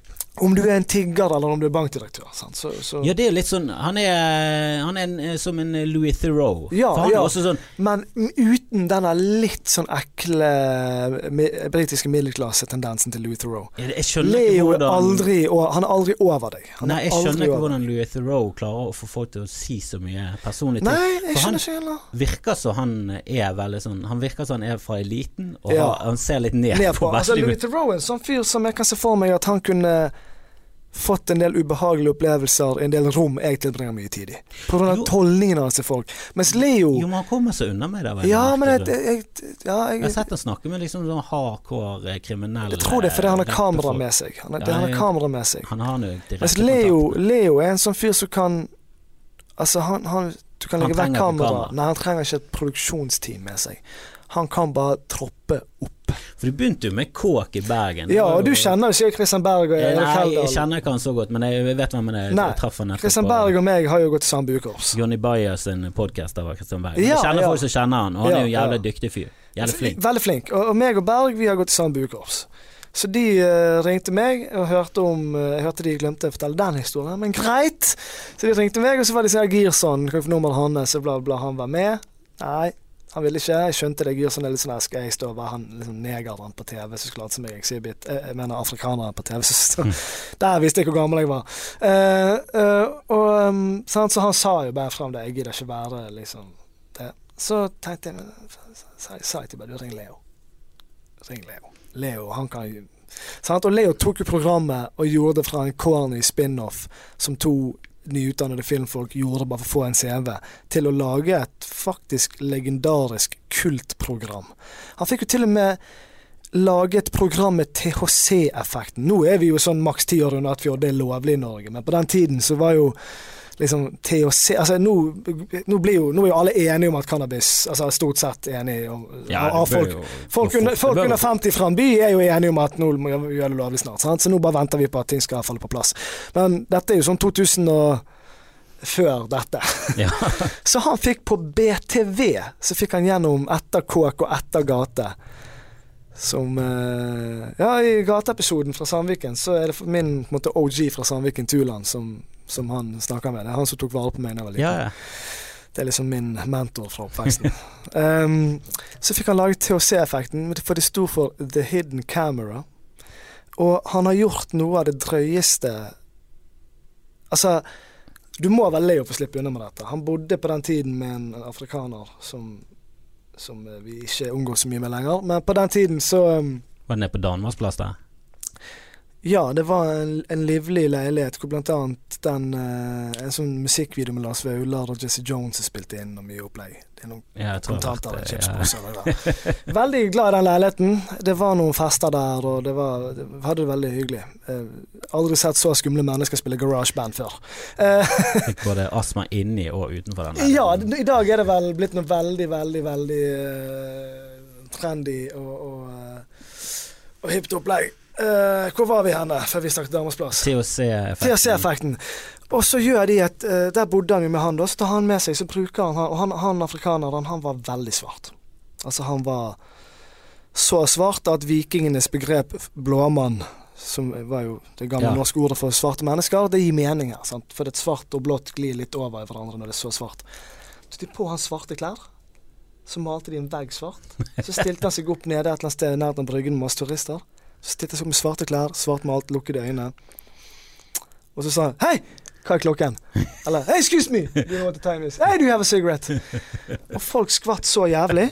Og de skvatt av en svart mann. Og dette her er akkurat når folk begynte å bli litt anstendige på sånne ting. Så folk både skvetter instinktivt og prøver å være PK i samme ja. Så hvis noen kan finne det opptaket av THC-effekten Tror ikke du ligger på BTV? jeg, tror mye det av ligger Mye jeg vet gate og kåk, men mye er det vekke. Så hvis noen kan finne om det ligger ute, eller om noe Hvis Christian Berg hører på Hvis noen kan finne akkurat den scenen hvor han afrikanske chommien til Leo skremmer vettet av hvite turister som prøver å både hente seg inn igjen fra sjokket, og å late som om de eh, At de ikke er Ja. sjokkert over at han er svart? Det hadde ingenting med at han var Nei, det hadde ingenting med at de ikke kunne se han i skyggen. så, så Leo gjorde jo gjerne mye som liksom, ganske drøye og fete ting på TV eh, lenge før NRK. Og første gang jeg så Leo sin um, Han hadde fått seg en videokamera. Det eller som skyldte han noe penger, eller noe, så bare fikk han et videokamera. Sant? Og Leo er veldig teknologisk type. Han er ikke noe sånn datafyr. Så han tok med seg, Da var han sammen med en Wolof-dame, en gambisk dame. Og så stakk de til Gambia på ferie, og så Bosnia. Og så filmet han hele turen. Blant annet intervju med en fyr som kaller seg for Skippy the Bush Kangaroo, som sitter og er så skrevet at han besvimer midt i samtalene sine. Samtidig som han prøver å selge Leo falske Fubu-klær på flytende svensk. Han har aldri vært i Sverige, men han forbereder seg på å komme seg inn til Europa, så han har skjønt at han må lære seg et skandinavisk språk. Det er jævla lurt. Aldri vært i Sverige. Det er bare én femminutters scene av hans to ukers Oh, ferie. Fascinerende fyr. Og jeg sa til Leo Leo, du må komme deg på TV. Og i begynnelsen så var jo meg og Leo i møter med NRK Underholdningsgreiene og P3 sammen. Det var hun Vilde Batzer, veldig hyggelig dame, eh, som jobbet med, med underholdning. Og så har du hun eh, Resak. Ja, Kristine. Veldig, ja, veldig hyggelige folk. Og, og Hun for det er hun har jævla peiling. ja, de er flinke. Ja. Og de var de Og så var det veldig sånn her meg og Leo. Og så var, var jeg eh, veldig sånn Du eh, Drit i det. Leo. Det, dere må gå Ikke sånn her Nå, nå høres det ut som jeg prøver sånn her Å, Det var ikke sånn at jeg ofret meg. Det var jo Leo som gjorde den innsatsen for det til. Men jeg var med i de tidlige møtene. Og litt fordi Leo alltid har brukt meg som en sånn referansenordmann, som han kaller det for. Sånn TV 2 betaler du mer, men NRK er det Ja, gå for NRK. Det, det er staten. Ja, OK, jeg skjønner. Sant? Altså, Ja, så jeg var i de tidlige møtene, og der skulle det vært flue på veggen. Se for deg en helt upolert Leo i møter med liksom NRK, som skjønner de holder på å skyte gullfuglen. Og jeg sitter er der Det syns jeg er jævlig bra, at de ser liksom at ok, dette her er bra greier. For det begynte jo med litt sånn Han var jo litt sånn rebelsk, han var på P3. Ja da, og de lot, de lot han få Han lov var litt sånn crazy. Ja. Men så plutselig så har han liksom Men de så sånn det veldig tidlig. De ville bare gi han uh, rom til å være ung og litt gal. For han er god på det også. Han er god på det også. Og, og jeg eh, husker jeg var veldig på denne der med men, men jeg husker òg en sånn lønnsforhandling, eller hva faen det var vi var i da. For da var jeg i Oslo, så Leo, bli med, bli med. Sant? Ja, ok, vi skal, okay, vi skal møte, gjester, er ikke jeg forberedt til. Så det var meg, og så var det en eh, afrikansk venn av oss som er veldig flink å ikke vise noen følelser. Det er helt umulig å se hva han fyren tenker. Og det kan jo være litt ubehagelig. Han er en veldig snill fyr, så det er ikke noe galt med han sånn sett. Så det er meg, Leo og en to meter høy afrikaner med steinansikt. Og så typiske statlige NRK-ansatte. En sånn liten homo i rosa V-hals. Altså, altså, han sier ikke han er homofil, han er V-hals, han var en homofil mann i en V-hals. Og eh, noen, noen sånne damer jobber i staten. Det er sånn veldig hyggelig. 'Hei, hei, å ja, du har med deg noen, Leo.' Ja, Så sitter liksom Han afrikaneren sitter liksom bare holder blikket til de her folkene. Den som snakker, Det er jo jævlig bra triks Blinker eh, i sånn eh, avhør og i forhandlinger. Ja, ja, ja. Ikke si noe. Nei, La de snakke. Mens Leo var kjempehyggelig og bla, bla, bla. Og den dagen så landet han. Da ble han ansatt i NRK. Så jeg har vært litt til stede og sett de tingene. Og jeg, det er Noe av det jeg er stoltest over i livet, er jo ikke det jeg sjøl har gjort. Det det, er det at, at Leo At han at jeg, De få gangene jeg har hatt muligheten til å si om det har vært Berg eller NRK eller hvem det er Du, Leo, Men Leo, Leo. Men det er jo litt interessant, for jeg har jo vokst opp, og eh, mye av ungdomstiden min har liksom vært med mm, Jeg gikk på skole med Ylvis, og eh, jeg gikk i klasse med Kalle fra Askemenn. Altså, Så du det intervjuet hvor Leo eh, rett og slett bare eh, tok tilbake hoodpassen til Ylvis? Nei. Det, det var sånn sånne ekstraklipp, men det er veldig gøy, for heldigvis tar Ylvis det på en fin måte. Men Leo basically avslører det litt som litt sånn Han stiller litt tvil med bergenskheten din. Han bare Ja, hvor er dere fra? ja, de er jo fast Ja, og, og, Bergen, liksom. Bare et eller annet opplegg. Han bare Mann, folk i Bergen, de møter meg hele tiden. Jeg har aldri sett dere to på gaten. Jeg kjenner ingen som har sett dere på gaten. Finnes dere, eller? Og du ser de syns det er litt sånn Å, da, da, vi er fra Mars, eller et eller annet. Ja, men jeg, husker Vegard kom Vi vi trodde jo han var afrikaner, for han kom på skolen eh, når jeg gikk vel i syvende, og han gikk i femte klasse. Og da gikk han i litt sånn rare klær, og så var han jævlig mørk. Han, Ja, da kom de rett de har jo krusete Ja, han har jo eh, Sogn eh, Det var jo et eller annet skipbrud der for lenge, lenge siden. Ja, ja. Veldig mange spanjoler som ja, ja da. Det er jo Tone Eh, Damli og. Berge-effekten. Mye, mye mørke gener. Mye, mye vakre Samme som Lofoten. Der òg har de noen Ja. bygder som er veldig Ja, det er skipbrudd og sånn. Det er, det er også portugisere. Og så um, Han er jo en mørk av de, og hadde blitt veldig mørk i Afrika. For da kom de fra Afrika. Ja, for de er misjonærbarn. Altså. Nei, ikke misjonær, de er sånn hjelpe. Ja da, De det, det er den moderne misjonæren. Ja, men det er bedre. Ja, mye For da slipper du den fanatiske Ja, ja, ja, ja. kristendommen. De Altså, Foreldrene er jævlig fine. All hjelp, Men de er sogninger. all hjelp der du slipper uh, fanatisk eh, utdatert religion, er mye bedre. Men foreldrene er jævlig fine. Faren er jo jævlig Han er sånn type som holder Jeg har hørt sånn, med at familien er ok. Folk sier de Eh, er Men det er jo fra Sogn, Afrika, før de kom til Bergen. Så Ja. kom jo forholdsvis sent til Bergen. Det sånn forklarer henne. Og så Fana er jo Der ute vi kommer fra, det er ganske langt fra sentrum. Ja da, men, men allikevel så er jo. Bergen Bergen. Så jeg har jo sett deg til og med Altså når jeg møtte deg i den hulen vi var i på BI, så Ja. hadde jeg sett deg på gaten Men de før. er jo Dere som ikke er fra Bergen, er dette litt vanskelig å forstå, men Bergen er en kjempestor by geografisk, nest størst i landet. Men av en eller annen grunn så Det er en liten gryte. Du ser alle. Du må liksom aktivt Men gjemme de deg. kommer jo fra en sånn De er fra sånn nerdemiljø. De, sånn, de kjenner Tarjei Trommisen, eh, talentet. Å ja, Tarjei, Nerde-Tarjei. Ja, ja. Eh, de liksom De har gått på Musikkskolen musikkskole. Alle de der er nerder. Ja, ja. Og de er sånn de, Eller de drakk veldig lite når de var ungdom. Ja, Tarjei var jo sånn er straight edge. og, men de er det helt annet. Nerd.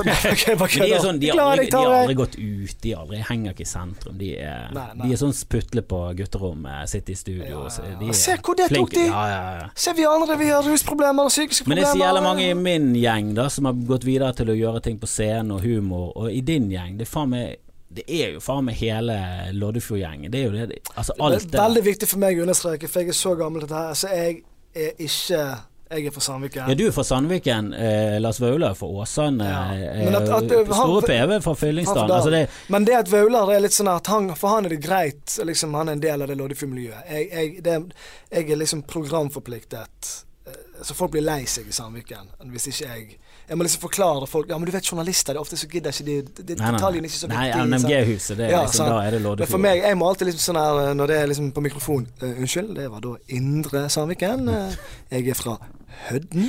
Og nå er du en fuckings utelivsbaron i, i Bergen. Du var jo Ja. faen eh, Du var, hadde, var med med Klubb Kok, som dessverre har lagt ned. Ja, vi, vi valgte å legge ned etter um, usedvanlig mye grov trakassering og ulovlig oppførsel fra Bergen politikammer. Faen. Rasisme heter det. Eh, vi er jo selvfølgelig fullt lovlige. Vi tuller mye med oppveksten i slumområder sånn men eh, alle vi er som har vokst opp der oppe sammen, som jobber med det vi jobber med, driver veldig Nå ble jeg veldig alvorlig stemme, men det er for at jobben vår tar vi veldig på alvor. Ja, Bergenspolitiet, de har aldri De er de vært, inkompetente De har fuckings vært sketsjer Ja, jeg var liten. Ja, husker jeg var Min liten. far, min far advarte meg mot det da jeg var liten. Du kan gå på biblioteket og låne flere bøker om hvor farlig politiet er. Det er dokumentarer om det. Ja, ja, bumerangsaken. Jeg husker Jeg Kalle og en kompis eh, av han eh, endte jo ble jo tatt av politiet en gang, og så eh, skulle de inn i heisen, og da var de sånn Den treige heisen. Ja, de var oppriktig redd for livet sitt. Og Min de var far- sånn 14-15. min far sin Tommy sånn, heis, ikke heisen! Nei, når jeg var 13, så sa min far Min far har ikke bodd i Bergen siden 90, men da sa min far til meg Jeg vet ikke om de har fått ny heis, men prøv å unngå Spør om dere Ta ta trappene. Ja, han sa det til den 13 år gamle sønnen sin. Så fortalte han at chommy av han hadde blitt dratt inn i, eh, inn i eh, Alle her må google Boomerang-saken. Se Trond Quist sin dokumentar om Boomerang-saken. Bergen-politiet har ikke blitt bedre. De er sånne mennesker ennå. Det er så Eh, Lommemannen, broren er lensmann i Loddefjord. Altså, nei, Laksevåg. Les, les uh, om Harald Andersens på Wiki. Les om det. Det er broren til lommemannen. Les om uttalelsene hans om voldtekt, og si at dette her er en usannsynlig teori. Lommemannen kunne holde på i 30 år fordi broren hans var politi, og de hadde en avtale seg imellom. Kun la de runke deg, ikke voldta de, for da må jeg gjøre noe. Du må, Harald, du må bare anmelde meg for ærekrenkelser, men dette er sant, og det står jeg for. Ja, Monica-saken var en skandale. Monica-saken Altså, er en skandale. Alt det her var helt krise. sant? Sånn at uh, vi var jo livredd for, for, for det- Ja, for det, du vokste jo opp uh, med hettegenser Ja eh, da. Jeg, første gang jeg ble lagt tilbake igjen, var utenfor mitt eget hjem da jeg var elleve år gammel. Ja, Jeg, det var, det jeg, skulle, jeg hadde lyst til å spørre om det. og det var sånn det, det var Det var det var sivilpolitiet soppet ut. La de meg, lillebroren til Sile Brekkhus, eh, et par andre venner av meg, i bakken. Eh, han ene fikk eh, Husker jeg slet med puste, for de la kneet på halsen hans. Eh, og så, eh, når de Hvor slapp gammel oss var han? Han var elleve, han òg. Ja, du, Så, du setter deg ikke var- dette, fuckings var uten- dette var utenfor, på utenfor, hjemmet mitt. Jeg vokste opp i en høy første etasje. Jeg hadde vært lav første etasje, så hadde min mor sett det. Ja, men du Eh, setter du ikke med kneet på fuckings nakken til en vet du, elleveåring. vet du hvor vi hadde vært? Vi kom rett fra busstoppet. Vi hadde vært på sånn ungdomsdiskotek med noen venninner av oss og danset i sånn her eh, sandstorm. Eh, sånn som unger gjør. Greit, vi var litt slauere. Dette var jo kanskje sånn her noen måneder før vi begynte å drikke litt. Du blir jo ikke mindre slaur av det der. Du blir mer dette skubbet oss jo i den. Ja. retningen, og jeg hater jo politiet den dag i Ja, dag. når du ser NWA i den filmen Tror du ikke vi begynte å høre mye på gangsterrap? Ja, når du de- ser Straight Out of Compton, og du ser hvordan de ble Når de ble bustet utenfor det studioet Du ser jo hvor hatet det kommer var, det var jo sånn de holdt Fuck på. holdt, vet du hva jeg spurte han denne snuten holdt blikkene? Så sa jeg du, hvorfor gjorde dere dette? Vi, fordi har dere ID? Vi bare nei, det er 97 og vi er 11 og vi har ikke ID. Hva faen? Det, Ja, det er skolebevis her er bankkortet mitt. Det selvfølgelig ikke, sant. Lånekort Så jeg var litt sånn, jeg var, så sa jeg sånn Nei, men du, jeg bor der. Sant? Pekte jeg min, hva for min mor til å komme ut. Min mor er en beinhard trønder. Hun hadde klikket. sant. Nei, nei, nei. nei. Men jeg, bare, så, men jeg har bare spørsmål. Hvorfor gjorde dere dette her mot oss? For de begynte sånn her, Hva er klokken? Hva er klokken? Jeg nesten feil med time? Du full? Du full? Du full?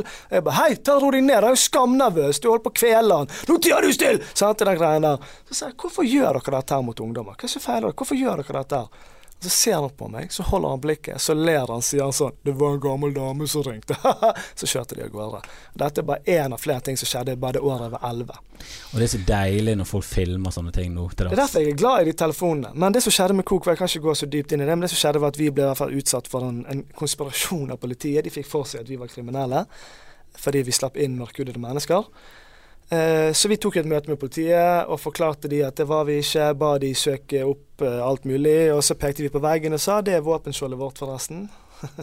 vi sitter alle i den gamle kafferenningen, takk for oss, ha det. Eh, bare for å understreke litt at for våpenskjoldet vårt hang faktisk på veggen i møterom to. Så bare for sånn du la oss være fred. Tenkte vi ok, greit, da skal vi gjøre som de sier, vi skal ikke lage hiphopklubb, vi skal lage en kommersiell klubb, så nå driver vi da natt, og nå har de latt oss være i fred. Kan dere fortsette med det? Vi gjør ingenting gale. Nei, vi selger ikke kokain. Hvem faen er det som gjør det når de driver flere utesteder som går bra? Sjekk oss på proff.no, for faen. Uh, så nå Jeg vet ikke driver om vi det er så utbredt i Bergen at de selger liksom under Jeg tror Vi er for de stedene hvor det Altså Coop er en av de stedene med minst sånn salg, for vi gjenkjente jo de folkene sant, og satte foten ned. Vi vil ikke ha det i klubben vår. Det er jo som jeg sa til politiet. Du, vi vil jo selge alkohol. Hvis folk selger rusmidler på Så har jo vi konkurrenter inne på stedene våre. Vi vil jo ikke ha det der. Sånn, Ser du vekk fra moral og alt sånn, rent økonomisk vil ikke vi ha sånt Ja, jeg husker når klubbmusikken var liksom Når det var jævlig hot i Bergen. Mye bra DJs. Klubbmusikken var Det var dritfett. Det var mye bra folk. Veldig høy kvalitet Eh, og, og, Miles og Ahead var liksom flinke på booking. Ja, ja, ja. Der var det sånn at de til slutt bare begynte å ta betalt for. Ja, for det var ja, sånn Vi kan ikke gi dette vekk gratis. Vi må Og- tjene penger på Og vi hadde, vi, sant, så der det var jo sant, Du lager hiphop til svarte mennesker. Da- skaper jo disse her strillene som jobber som spanere Altså, De satt jo sånn med capsen på snei og sånn stirret på folk. Altså, det var jo det var jo, ja, 'Vi har hatt spanere hos dere i åtte måneder.' Og, 'Har dere det, ja?' Sier du det? Uansett, det var ikke meningen å snakke så mye dritt om snuten. Jeg bare klarer ikke å styre meg når jeg får muligheten. Eh, Nei, Jeg har vi- aldri hatt noe særlig problem. Jeg har hatt litt eh, trøbbel litt her og der, men ikke sånn jeg har aldri blitt tatt fordi jeg har vært en, en eller annen eh, viss type menneske. det er veldig spesielt å føle seg profilert. Ja, men, det var, ja, men det der å bli tatt fordi du har hettegenser og 11, og du, suller rundt i Jeg er veldig stor for du er alderen. sånn, ja, Men du er og 11. halv- Du er Klokken er halv 11. 11, dere skal være hjemme. Ja, og du, du er faktisk utenfor huset ditt, på vei inn døren, for du har vært på ungdomsdiskoteket hvor liksom lærerinnen din var vakt. Altså, det er liksom Hadde de, Ja, det skjønte hvis de det hang nede i sentrum, Ja, og, og- at, de, at de ja, går bort der og sier sånn Du, men gutter, hva skjer? med oss, men, men de la oss bare i bakken. Og de kjedet seg sant, i sivilbil. Hadde de istedenfor eh, engasjert seg i nabolaget, så hadde de visst hvem jeg var. De hadde visst gjennom lærerinnen min at jeg var en Sist gang jeg hadde befatning med politiet, så gikk jeg på lille julaften sammen med bror og med fetter. Så skulle vi bare ta en pils. Eh, prøvde å finne et sted som var åpent, så eh, fant vi det. Tok vi en pils, og så gikk vi hjem. Da bodde jeg ute Da bodde jeg rett der med Fløyen i Lille Øvregaten. Så gikk vi bort da, så når vi kom forbi eh, der med galleriet i Bergen, eh, så var det en, to folk som gikk mot oss. Sivile. Og så Nei, nei, altså sivile folk som gikk forbi oss. Og så gikk jeg bare og pratet med min bror, så jeg så ikke helt på dem. Og så dunket det ane i han ene av dem. Eh, så snudde jeg meg da og sa unnskyld. Bare sånn sorry. Sånn type sånn hvis du dunker an i noe. Ja, så sånn, sorry. Sorry. Og når jeg snur meg, så ser jeg bare sånn en saktefilm, en hånd bare kommer i dunk, Knuser til meg i trynet. Eh, så er det bare en fyr som er bare eh, Altså Du ser på øynene hans, han er bare helt vekke. Ja er Full av ja, Rohypnol og sprit og he- dårlig kombinasjon. Så jeg var eh, Min bror bare hopper på han og holder han nede, legger han i bakken, og kompisen står sånn Du, faen å helvete, ta hodet ned. Ja, for han har tydeligvis bare gått der og prøvd å roe han ned. Han var ikke hypp på å være med på det. Eller. Og politiet kommer fra alle kanter. De kommer med sånn fire biler. Det er nesten sånn de kommer ned med sånn tau, SWAT-team Ja, fra helikopter. De var helt ville. Det kom 20 De syns jo det er så gøy. ja, ja. Og min fetter blir så jævla overrasket at han tar opp hendene.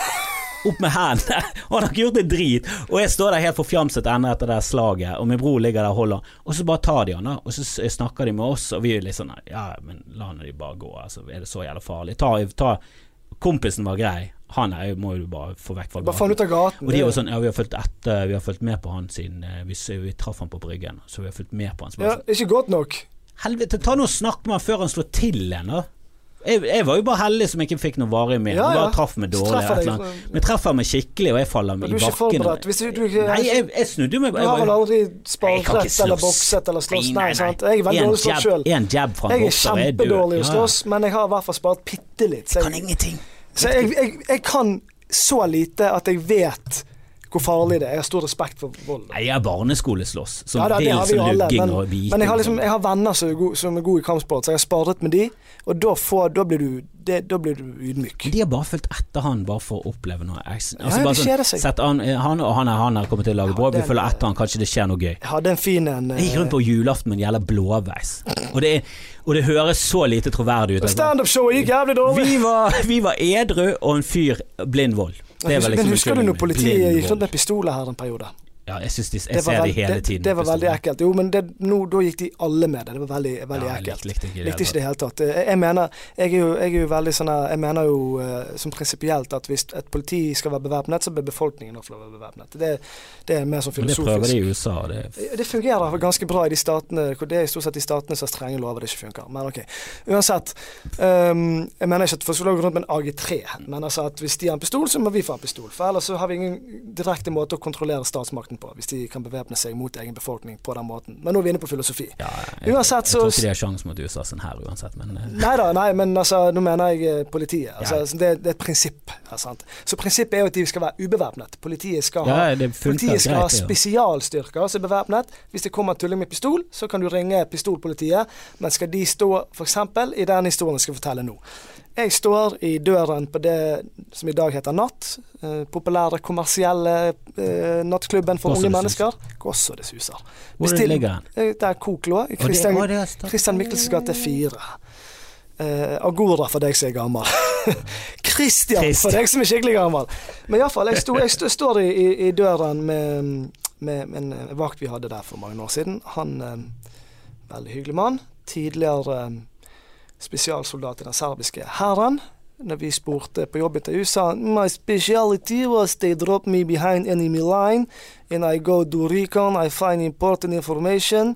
Without being detected, I make my way back to the base and I report to general. Sånn er Rambo. Så vi sa at du kan begynne akkurat når du vil. Han er Rambo. Ja. Det var det Rambo var. Men han er en lav Rambo, også Rambo. Sant? En veldig hyggelig fyr, men han har den bakgrunnen.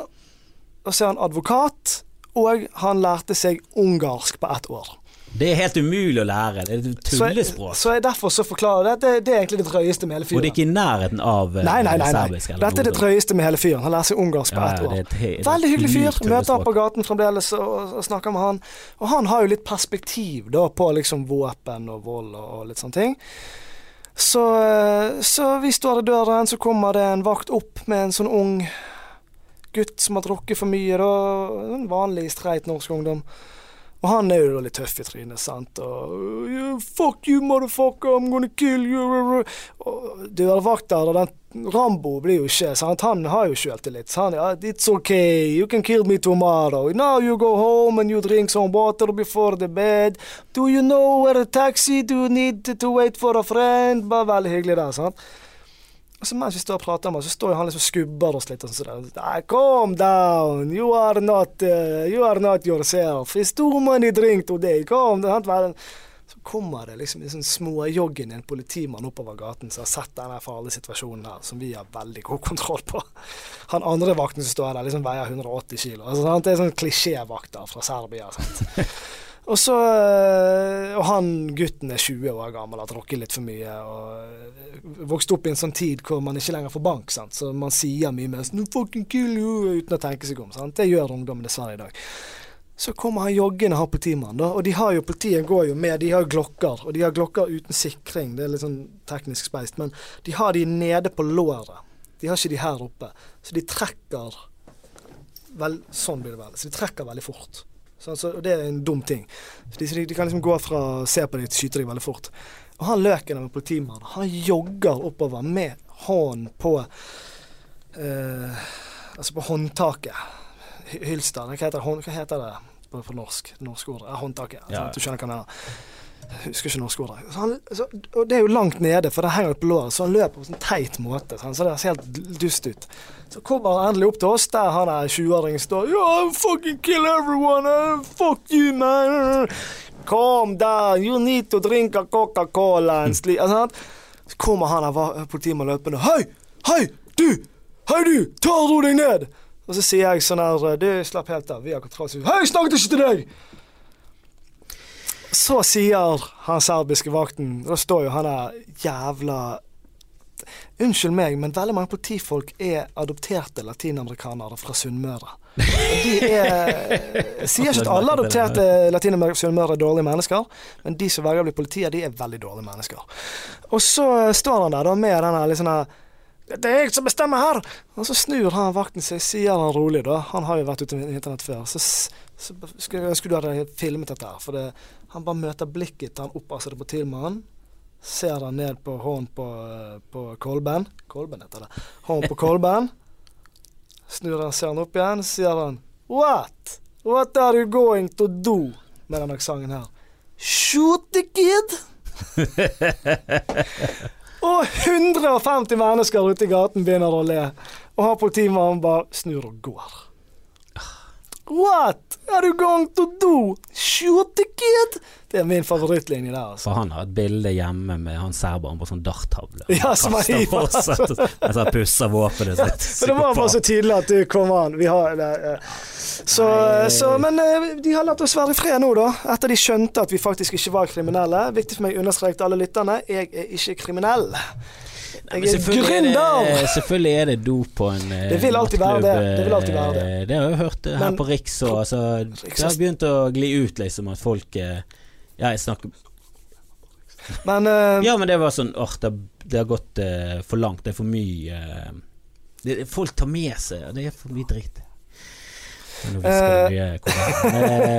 Det er en annen sak. Jeg er for gammel. for- Men, men greien er det, det som var rart for oss, det var at de trodde at vi var involvert i ting. sant? Det er jo helt latterlig. Vi er jo faktisk veldig lovlydige. Jo, altså, hadde jeg vært kriminell, drevet mye med, med ja, eh, sedler, eh, Ja. og du måtte vaske de, så er jo restaurant Det er ikke det lenger, vet du. Det er, det er ikke det lenger. Nei, det er vi, litt mer vi, kontrollert. vi eh, forholder oss til 18 ulike kont eh, offentlige kontrollorganer.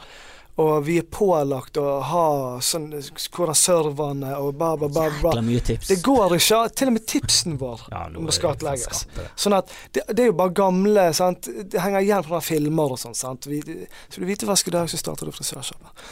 Uh, eller så starter Hørte du det, her- hørte det her først. eller så starter du håndverkerfirma, og så kjøper du materialet svart, og så får du verdiøkningen av en bolig. Og så har du hvitvask. Hørte det først der. Så dette er jo veldig innlysende ting. Du, forresten starter jo ikke eh, nattklubb. Forresten, før vi avslutter her, eh, jeg går jo snart tom for batteri. Vi har snakket i stykker batteri, du. Er det noe mer hvitvasking? Nei da. Eh, ja, du skal jo starte hvitvasking. Jeg lærte de snabba cash. Hvitvaskingspodkasten. Nei, du, du skal jo starte podkast nå, har jeg Ja, hørt rykter om. Hva er Der skal vi noe? slenge masse dritt om politiet, vi skal snakke om hvitvasking Nei, altså, vi skal ikke det. Drep snuten, heter han. Ja, han heter Akab. eh, hva, hva, hva Nei, er det for noe? Um, nå, eh, nå får jo du en litt sånn eh, eksklusiv premiere. For det at vi er fremdeles i konseptutviklingsfasen. Jeg lurte på om vi skal ta en kopp kaffe etterpå og få litt råd av deg. Yeah, yeah. Okay. Eh, eh, jeg ønsker jo Jeg har jo hatt et program på TV hvor jeg fikk intervjue folk, men eh, måtte dessverre avbrytes av noe impro hele tiden. Og de var veldig flinke, de improfolkene, men NRK gjorde en veldig dårlig ja, den. Ja, ja. NRK ødela konseptet. Og jeg fikk høye seertall og alt mulig, men det var bare ikke det det skulle være. Men jeg lærte meg Jeg fikk en veldig god opplæring i liksom intervjuteknikk og sånt, og jeg fikk litt smaken på det. Og så har jeg jo litt sånn naturtalent i å preike. Jeg liker å preike med folk. Så det jeg skal gjøre da, er å lage en, en podkast som, som um, hvor jeg rett og slett skal bruke litt det at jeg har et enormt stort nettverk, ja. eh, og snakke med Jeg er i en posisjon hvor jeg kan få alt fra en fyr som obduserer folk, til en rikskjendis til å snakke om ting. Så jeg skal bare lage den gode samtalen, og så skal jeg ha litt sånn ting Litt sånn internting som kommer før intervjuet. Som bare, bare sånn tidige ting. ja prate litt Prate selv, litt, ja, og så kjører vi intervjuet. Uh, og jeg tenker jo, altså det her er jo blitt gjort av en milliard andre mennesker. Så det er ikke det, jeg prøver ikke å finne opp kruttet på nytt i det hele tatt. Men jeg skal prøve å ha en god samtale med et spennende menneske to ganger i måneden. Ja, men det er det, er jo alltid noen som er negativ til sånne ting. Og jeg har hørt andre podcaster der det er sånn Ja, men hvorfor, hvorfor, skal, hvorfor skal vi høre på din podkast? Og der er det sånn Nei, fordi det er meg. Ja, men vet du hva? Svaret er så enkelt. Jeg er meg. Jeg har jo skjønt at jeg er en litt spennende type. Og jeg kjenner veldig mange folk. Og jeg liker eh, ulike mennesker. Jeg liker å gi de muligheten til å preike på en litt annen måte enn det ordinært medie vil gjøre. Jeg synes det, jeg har hørt på podkast siden det kom i 2005-2006. sant? Og, og, og jeg synes, Jeg har alltid likt talk radio før den tid, og jeg syns det med podkast som er den største styrken til denne sjangeren av podkast, intervjupodkast, samtalepodkast Den største sjanger, styrken av den sjangeren er at folk får muligheten til å bare ha en samtale. Det er ikke et intervju der du må vente på en reklamepause, du må huske å plugge den nye filmen din og bla, bla. Det er ikke fem minutter stikk, liksom. Nei, du kan sitte og preike og preike og preike. Sånn som nå, så har vi preiket litt om at jeg driver med uteliv. Men det er jo ikke noe interessant for lytteren å høre masse detaljert om hvordan det er. Ja ja, vi driver Jeppe, vi driver Allmuen, vi driver Underlig, vi driver Natt. Det tidige er jo det at vi opplevde det speisegreiene med snuten, og så eh, gikk det heldigvis bra, for vi var ikke en mafia. Vi var ordinære folk med masse ansatte, så det ordnet seg. Det er en, det er en mer spennende ting. Det hadde aldri kommet fram i et eh, intervju eh, i et mer mainstream medie, så ville jeg vegret meg for å åpne opp om det. For det ville blitt redigert, og plutselig så ville overskriften vært sånn der Politiet sparket inn døren! Altså, sant? Det, det liker jeg ikke. Redigering. Nei, nei. Det, det, Mens her er det en samtale hvor folk kan høre på eh, til og med, la oss si det sitter en ung mann og tilhører den nye typen politifolk som sånn behandler mennesker som mennesker, og sånn helt radikale konsepter i politiet. Mot formodning lytter på dette. Så vil jo han på en måte forstå ståstedet mitt. Mens hadde han lest BA-saken, hvor det bare står sånn 'Fox Newton' i overskriften, og bare 'neste gang tar jeg igjen'. ja, jeg er på ingen måte måte anarkistisk. Jeg er veldig på å ha ha et politi. Jeg er jo anarkist, men Jeg det vil ha et politi som er som prater med folk, som er til stede. Som går til fots på gaten, kjenner nabolagene det er en yrke som skal være folkelig. Jeg syns folkelig ofte er litt sånn Feil ja, begrep. Men det, jeg er det er sånn Egon, det er sånn Ja, det er- folkelig det- restaurant. Jeg er helt enig med deg. Jeg skulle ønske at når de politifolkene la meg i bakken over 11, så skulle jeg ønske at jeg kjente konstabel Jensen som bodde to gater ovenfor. Ja. Jeg kunne gå og ringe på hos han sammen med min mor og si sånn at du, det var noe sånn Hva i alle dager Ja, dette holder ikke, jeg skal ta sånn. Men ja. had, altså, jeg, en gang som tenåring så prøvde jeg å si fant jeg en lommebok, og de anklaget meg for å den jeg ikke leverte den. Jeg gikk faen bort for å levere den, for det var jo kort og ting igjen. Men hvorfor skulle du stjele den, og så eh, Der sa du akkurat det jeg sa til de. Men ja. De har sett en seriemorderfilm der morderen gikk Ja. tilbake til åstedet, og det er sånn Det er jo det samme med gjør. nattklubbene. sant? De, de, de ser folk eh, Ja.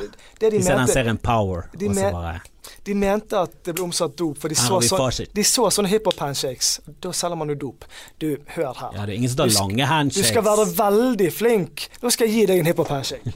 Du skal være veldig flink for at sedler og klippposer og alt mulig ikke bare skal dette alle veier uh, for at det der skulle funke. Så jeg har lyst til å lage en podkast der folk som uh, du gjerne kjenner for alt mulig annet, uh, får lov å snakke om sånne ting som dette her, for eksempel. Altså, jeg har ingen annen arena å preke om dette her på. Her kan jeg plutselig preke om noe helt sant? Eh, Vanligvis måtte jeg jo preket om musikken min, det har vi vært innom. Måtte preke om sånn og sånn, masse, ja, du var på TV der ute, bla, bla, bla. Vi har preket om det nesten som to chommier som ikke har møtt hverandre på en stund. Ja, faen, hva skjedde egentlig med Kok? Ja, jo, nå skal skal du høre. Det er et eller annet med podkast som gjør det til at vi skal nå skal vi bare ha en samtale, men vi må prestere litt. Ja, må og vi må komme, være komme litt med interessante, Ja, vi må sant, komme med ting på bordet. Og, og, og snakke på en måte som er litt inkluderende. ja, sant? så Altså, og- ender det ofte med at folk deler litt der, og så plutselig sier du noe som du aldri har sagt før, og så er det sånn Oi, det har jeg faktisk ikke snakket ja, om på lenge. du, Altså, det du, en jævla du trodde eksempelvis nå kanskje at Klubb Kok gikk konk, for eksempel, sant? Men Klubb Kok AS Nei, jeg visste at det, Ja, okay, for jeg snakket snakket ja, med deg før Ja, ja. Sant? Eh, Men Jeg syns det var så synd at den bare forsvant, for det det var et jævlig gøy sted. Vi hadde jo et standup-show der òg. Ja, det var jævlig gøy med Jørn Josef. Helvete, da koste meg. Så det var litt sånn Men eh, du vet, du vet arena. at vi har underlig, sant? Ja da, jeg har stått der og det er jævlig bra scene, men eh, det var ikke sånn superbra stemning der. Men det er fordi det tar Men lang tid eh, å kanskje vi snakker bare litt det om det. har Ha det i det skal vi bakhodet. Oi, unnskyld mikrofonen. Men det er alltid ut av det er få scener i Bergen, og spesielt scener på den størrelsen. Ja, for det underlig er jo sant, det er litt for lite for at type A-laget skal spille, men det er perfekt for standup. Ja, men er det og størrelsen på 50 der scenen. er det bra, og er det 120 der, så Og har, har du 200 sittende, Ja, ja. så er det Og så er det, så er det dette her med at det er lav scene, og det er veldig sånn hyggelig Det er barstemning. jævlig fint. Det er jævlig fint Men det vi holder på med nå, takk. Det vi holder på med nå, det er sånn jeg vil at podkasten skal være. Du får kanskje inn en person som du kjenner som komiker, og så kanskje meg det blir litt personlig plutselig. Det styrer jo selvfølgelig gjesten. Jeg er jo ikke sånn person som liker eh, verter som presser mot det personlige. Nei, jeg har skrevet masse ned, men vi har ikke touchet borti Nei, sant, det Men det kommer- tenkte jeg faktisk, du, sant? du snakker mye. Ja, jeg tyter bare, jeg. Men det, det er et tips til du skal starte Ja da. podcast. Bare skriv ned 17 punkter Men det, det, det gjør jeg jo. som er liksom det, Dette har du hvis, Hvis du trenger- samtalen ja. går i stå. Ja, så så- dette. Ja, du skjøt jo din bestemor for fire år siden. nei, men sant, sånn, Og så liker jeg, jeg liker sånne intervjuobjekter der eh, Nei, intervjusituasjoner der intervjuobjektet sjøl kan bli personlig. Sant? For plutselig sender man opp med For det liker jeg veldig godt i podkaster. Du kan gå fra å snakke utrolig lettvinte ting til å bli altså, såre, Ja, personlige, vonde ting. Har du hørt eh, What the fuck med Mark Maron når han snakker med Louis CK? Nei, den skal jeg ta og høre.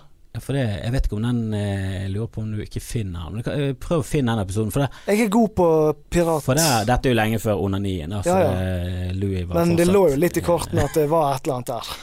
Ja, du ser jo tilbake på det bare sånn Ok, det var derfor han Jeg har Ja. alltid snakket 10-15 minutter om onani i hver. Eller i Og ikke var 14 år. Ja, og hadde også eh, ja, i hvert fall én hel episode dedikert til onani, og Ja. mye referanser til det. Han hadde jo tydeligvis issues han eh, Ja prøvde å bearbeide gjennom eh, kunsten sin. Men i den episoden, de er jo gamle, går jo langt tilbake igjen, så, så kommer de inn på at han hadde det jævlig tungt, men den Mark tok jeg kontakt med han den skilsmissen og sånn. Og da er det faktisk på et punkt at han begynner å grine. Oi. At han åpner seg så jævlig opp. Dette er tydeligvis ting han egentlig ikke snakker så mye om. Så er han så jævla sår og begynner å snakke om barna sine og sånn. Så bare Men dette Hører er, du at han brekker litt? er, jeg, er- jeg er Nå som jeg er gjest, så tyter jeg så det ikke tar slutt. Sant? Men det er jo på en måte Jeg beliter meg på rollen min. Prøver å levere innhold til deg. Ja, ja, det er men men jeg, jeg kan jo òg gjøre det motsatte. Jeg kan jo Jeg er jo trent i å intervjue folk. Så eh, det jeg vil, er jo å skape det trygge rommet hvor Jeg er på en måte kjent nok sjøl til at jeg vet litt hvordan det er at alle ser på deg. sant? Så, så jeg liker å la intervjuobjektet sjøl få bestemme om de bare vil være utrolig morsomme og levere på et overfladisk fett nivå, eller om de vil velge å touche så vidt innom noe vondt, eller om de vil bli verna der litt. Så vil jeg som en som leder intervjuet, uh, være den personen som på en måte Målet mitt er å være god på timing, sånn at en, en gjest som kanskje går litt for dypt i det vonde, at det hjelper han å ikke bli værende der hele Ja, kan, sant? det Og- kan og- ikke være der i Nei, sant? Men man kan godt være innom den tur. Ja, sant? ja. Og, og så har jeg litt lyst til å blande Jeg har litt lyst til å ha liksom alt fra disse A-kjendisene ned til type mer sånn kultkjendiser. Få inn folk som er bare kjent i Bergen. Få inn chommien min som jeg, jeg kjenner veldig mange folk som nesten har vunnet Farmen. Men Kanskje lage en spesial der jeg inviterer alle vennene mine som nesten vant Farmen. du nevnte obdusent, det hørtes også Ja, ja, men sant, sånne ting. Det, det var det det? neste jeg skulle til. sant? Få inn sånne folk som ikke kjente, men de er midt i miksen på ganske heavy ting hele tiden. sant? Eh, Det kunne vært jævlig gøy å intervjue f.eks. en pensjonert politietterforsker. Spørre han rett frem som Du, eh, jeg, jeg er på hi- hin laget. Men nå har jeg mange spørsmål til deg. sant? Altså, men på forhånd være ærlig Ja, hvordan er humoren egentlig? ja, og- og, og, at han, og, at han må bare være ærlig på ting han ikke kan svare på. og så det, eh, hvis folk hører på denne podkasten her og føler at de burde blitt intervjuet, intervjuet av meg, fucking gi meg en lyd! V4G4RD på Instagram, du finner meg. Her får dere spørre, spørre Doffeduts. ja, Eh, men altså, jeg er åpen for forslag. Jeg, jeg, jeg, jeg liker å snakke med folk. Og jeg liker, og jeg, jeg liker å preike som faen sjøl, men jeg liker vel For meg er det deilig når andre folk tar min rolle. Men du er også nysgjerrig. nysgjerrig. Du er jo et nysgjerrig. menneske. nysgjerrig. Nysgjerrig på folk. Ja, men det er ikke noe som er bedre enn å være nysgjerrig. Det det som Nei, så, så jeg skal ikke finne Jeg, skal, jeg har ikke Her sitter jeg ikke her og, og, og gir lytterne dine, for de er de første som får høre om podkasten min. Jeg er med på en podkast som Store P produserer, men den er sånn Det er kunst, et kunstprosjekt. Det er liksom ja, den skal klippes og Den, den er veldig Jeg har hørt et par episoder. Det er superredigert, og det er speist. Vi lager Det er som et radioprogram, at vi lager egen musikk. Altså det, det, det er noe helt annet. Men jeg har ingen planer om å finne opp hjulet på nytt. Jeg vil bare lage et kjempegodt talkshow i hermetegn. Men i A-laget så er jo Store P er jo kunstner. Kunstneren, og ja. uh, Girson er jo damenes uh, favoritt. Og jeg er tytekisen. Var og gründeren, ikke minst. Ja, Gründer og sender. Jævlig hyggelig at du tok turen innom. Du, er veldig eh, kjekt. Jeg kjenner deg Eh, egentlig ikke så godt, men eh, Nei, vi er så- godt nok til å prøve Vi har kjent hverandre sånn litt i 15 år. Ja, litt. Det er vel beste måten å oppsummere vårt vennskap på. sånn sett. Så har vi en del felles venner. Ja. Du, er eh, hyggelig å, du er alltid jævlig hyggelig å treffe på. Du Takk i like måte. Takk i like måte. Jeg, er- positivitet. jeg er bare sur mot de som er veldig nær meg. Det er da jeg er et dårlig menneske. Men jeg er som bekjent er jeg veldig hyggelig. Ja ja, men det er familien Sånn som skal folk. gi det. Ja, sånn er det. Så er du, er du, er du en en, kreativ mann, så går jo det utover damen din. Det er jo sånn det alltid er. Men eh, hvor, hvor eh, og når kan folk høre på dette? her? Det er Jeg slipper vel denne episoden eh, om en uke eller to. Ja. Eh, for jeg klipper ikke noe, jeg bare Ja, konge. Så Da skal jeg komme gi med min Skal jeg ha som sånn pluggables nå? Hva? Ja ja, Ja, ja, du kan ok. plugge som faen, du. Eh, da vil jeg gjerne si at er du et ungt menneske som liker å feste, gå på nattklubben Natt eh, Bergen. Ta gjerne og bok bord på forhånd, det er gratis. Du slipper å betale inngang. Og der, det er et sånt sted hvor det er kjempestor kø og veldig populært. Hvis du er med kultur Alltid gøy med bord. Alltid gøy med bord. Kan du kjøpe så sånn flaske til 6000, så får du til sånn sprudlende bord. fyrverkerigreier sånn som det. Ellers er du kulturmenneske, kan du gå på Underli. Der er det alt fra voksne herres- orkester til Blood Command til standup til uh, gravølet til Wenche Knutsen. God mat. Gå på Allmuen etasjen over. Tusen takk, du likte det. Det, Mm, Ja, altså, det, er, det ligger i navnet Allmuen, det er for folket, men nivået på maten er, er Ja, det var på friterte raspe... ja, det- altså det var fristrerte plukkfisk. i i- Det er var helt sinnssykt. Så det, det, er, det er mat på et det, det, det er rimelig mat på et sånt internasjonalt nivå. Og det er konseptet vårt. Så, så det går an å gå der og bruke et par hundre kroner Folkelig gourmet. Folkelig gourmet. Der sa du det. Det skal jeg. Jeg er kommunikasjonssjef, det stjeler jeg. ja, yes, Så har vi nettopp åpnet Jeppe bar og kafé. Gamle Jeppes pizza. Gamle Louisiana. Gode, gamle Jeppes. Og jeg eh, jeg har ikke lov å si hvor mye halvliteren koster der, med mindre noen spør meg. Men det er Folk har råd til det. Ja, men hvis noen hadde spurt meg f.eks. hvor mye halvliteren koster, så kan jeg si det. Ja, hvor mye koster den? da? 49 kroner. Helvete, det er jo 1984-pris. Ja da, det er jo helt sinnssykt. Det er jo helt sinnssykt. Så, eh, men så har vi god kaffe og vafler. 20 kroner for én vaffel, 30 for to. Etter min erfaring så i hvert fall eh, hvis eh, Vågar eh, har en finger med i spillet på noe utested, så er i hvert fall kvalitet. Det går sånn sett ganske bra. ikke, det er kanskje ikke for alle, men Nei, jeg føler at det nei. er for de fleste. Men Jeppe, det er en pub som ligger liksom det er for de fleste. Jeppe er sånn som skal være for de fleste. Det, der kan man gå liksom med vennene sine, med, du kan gå med foreldrene dine. Altså, du kan gå og ta deg en rolig øl mens du venter på bussen. Men det betyr jo at det begynner å bli litt kvalitet der nede i det Ja, for det er jo rød sone. Dette er da Det, det ligger ved Holbergstatuen. Det er, som, det er som Karl Johan i Oslo. Ja, liksom, ja, ja. Det er liksom det er ikke det beste det er derfor, det er derfor vi valgte òg å ha, ha litt billig pils, fordi at folk tar sånn 130 kroner for en halvliter. Det er veldig sånn Ja, det er liksom rett Vi har uteservering. Ja, ja. Vi har uteservering og alt det der. Vi Felix, du skylder meg penger fortsatt. Vi hadde et show der, det var drit. Det var et helvete. Skylder de deg penger? Ja, jeg ja, masse penger. Det kan vi snakke om etterpå. Um, men uansett, vi, vi vil gjerne at folk skal begynne å bruke Jeppe, og det er et nytt sted. Og der vil jeg bare si vi er åpne for sånn standup og alt mulig der òg. Du, dette skal vi snakke mer om. Vi har ett ett, 1 igjen. Vi må gi Ok, oss. Følg meg på Instagram. Jeg holder på å bikke 4000 følgere, men folk slettes alltid. V4G4RD. Vær snill, følg meg på Instagram. Ja, please, takk. Ha det godt. Hei, hei. Ta vare på hverandre.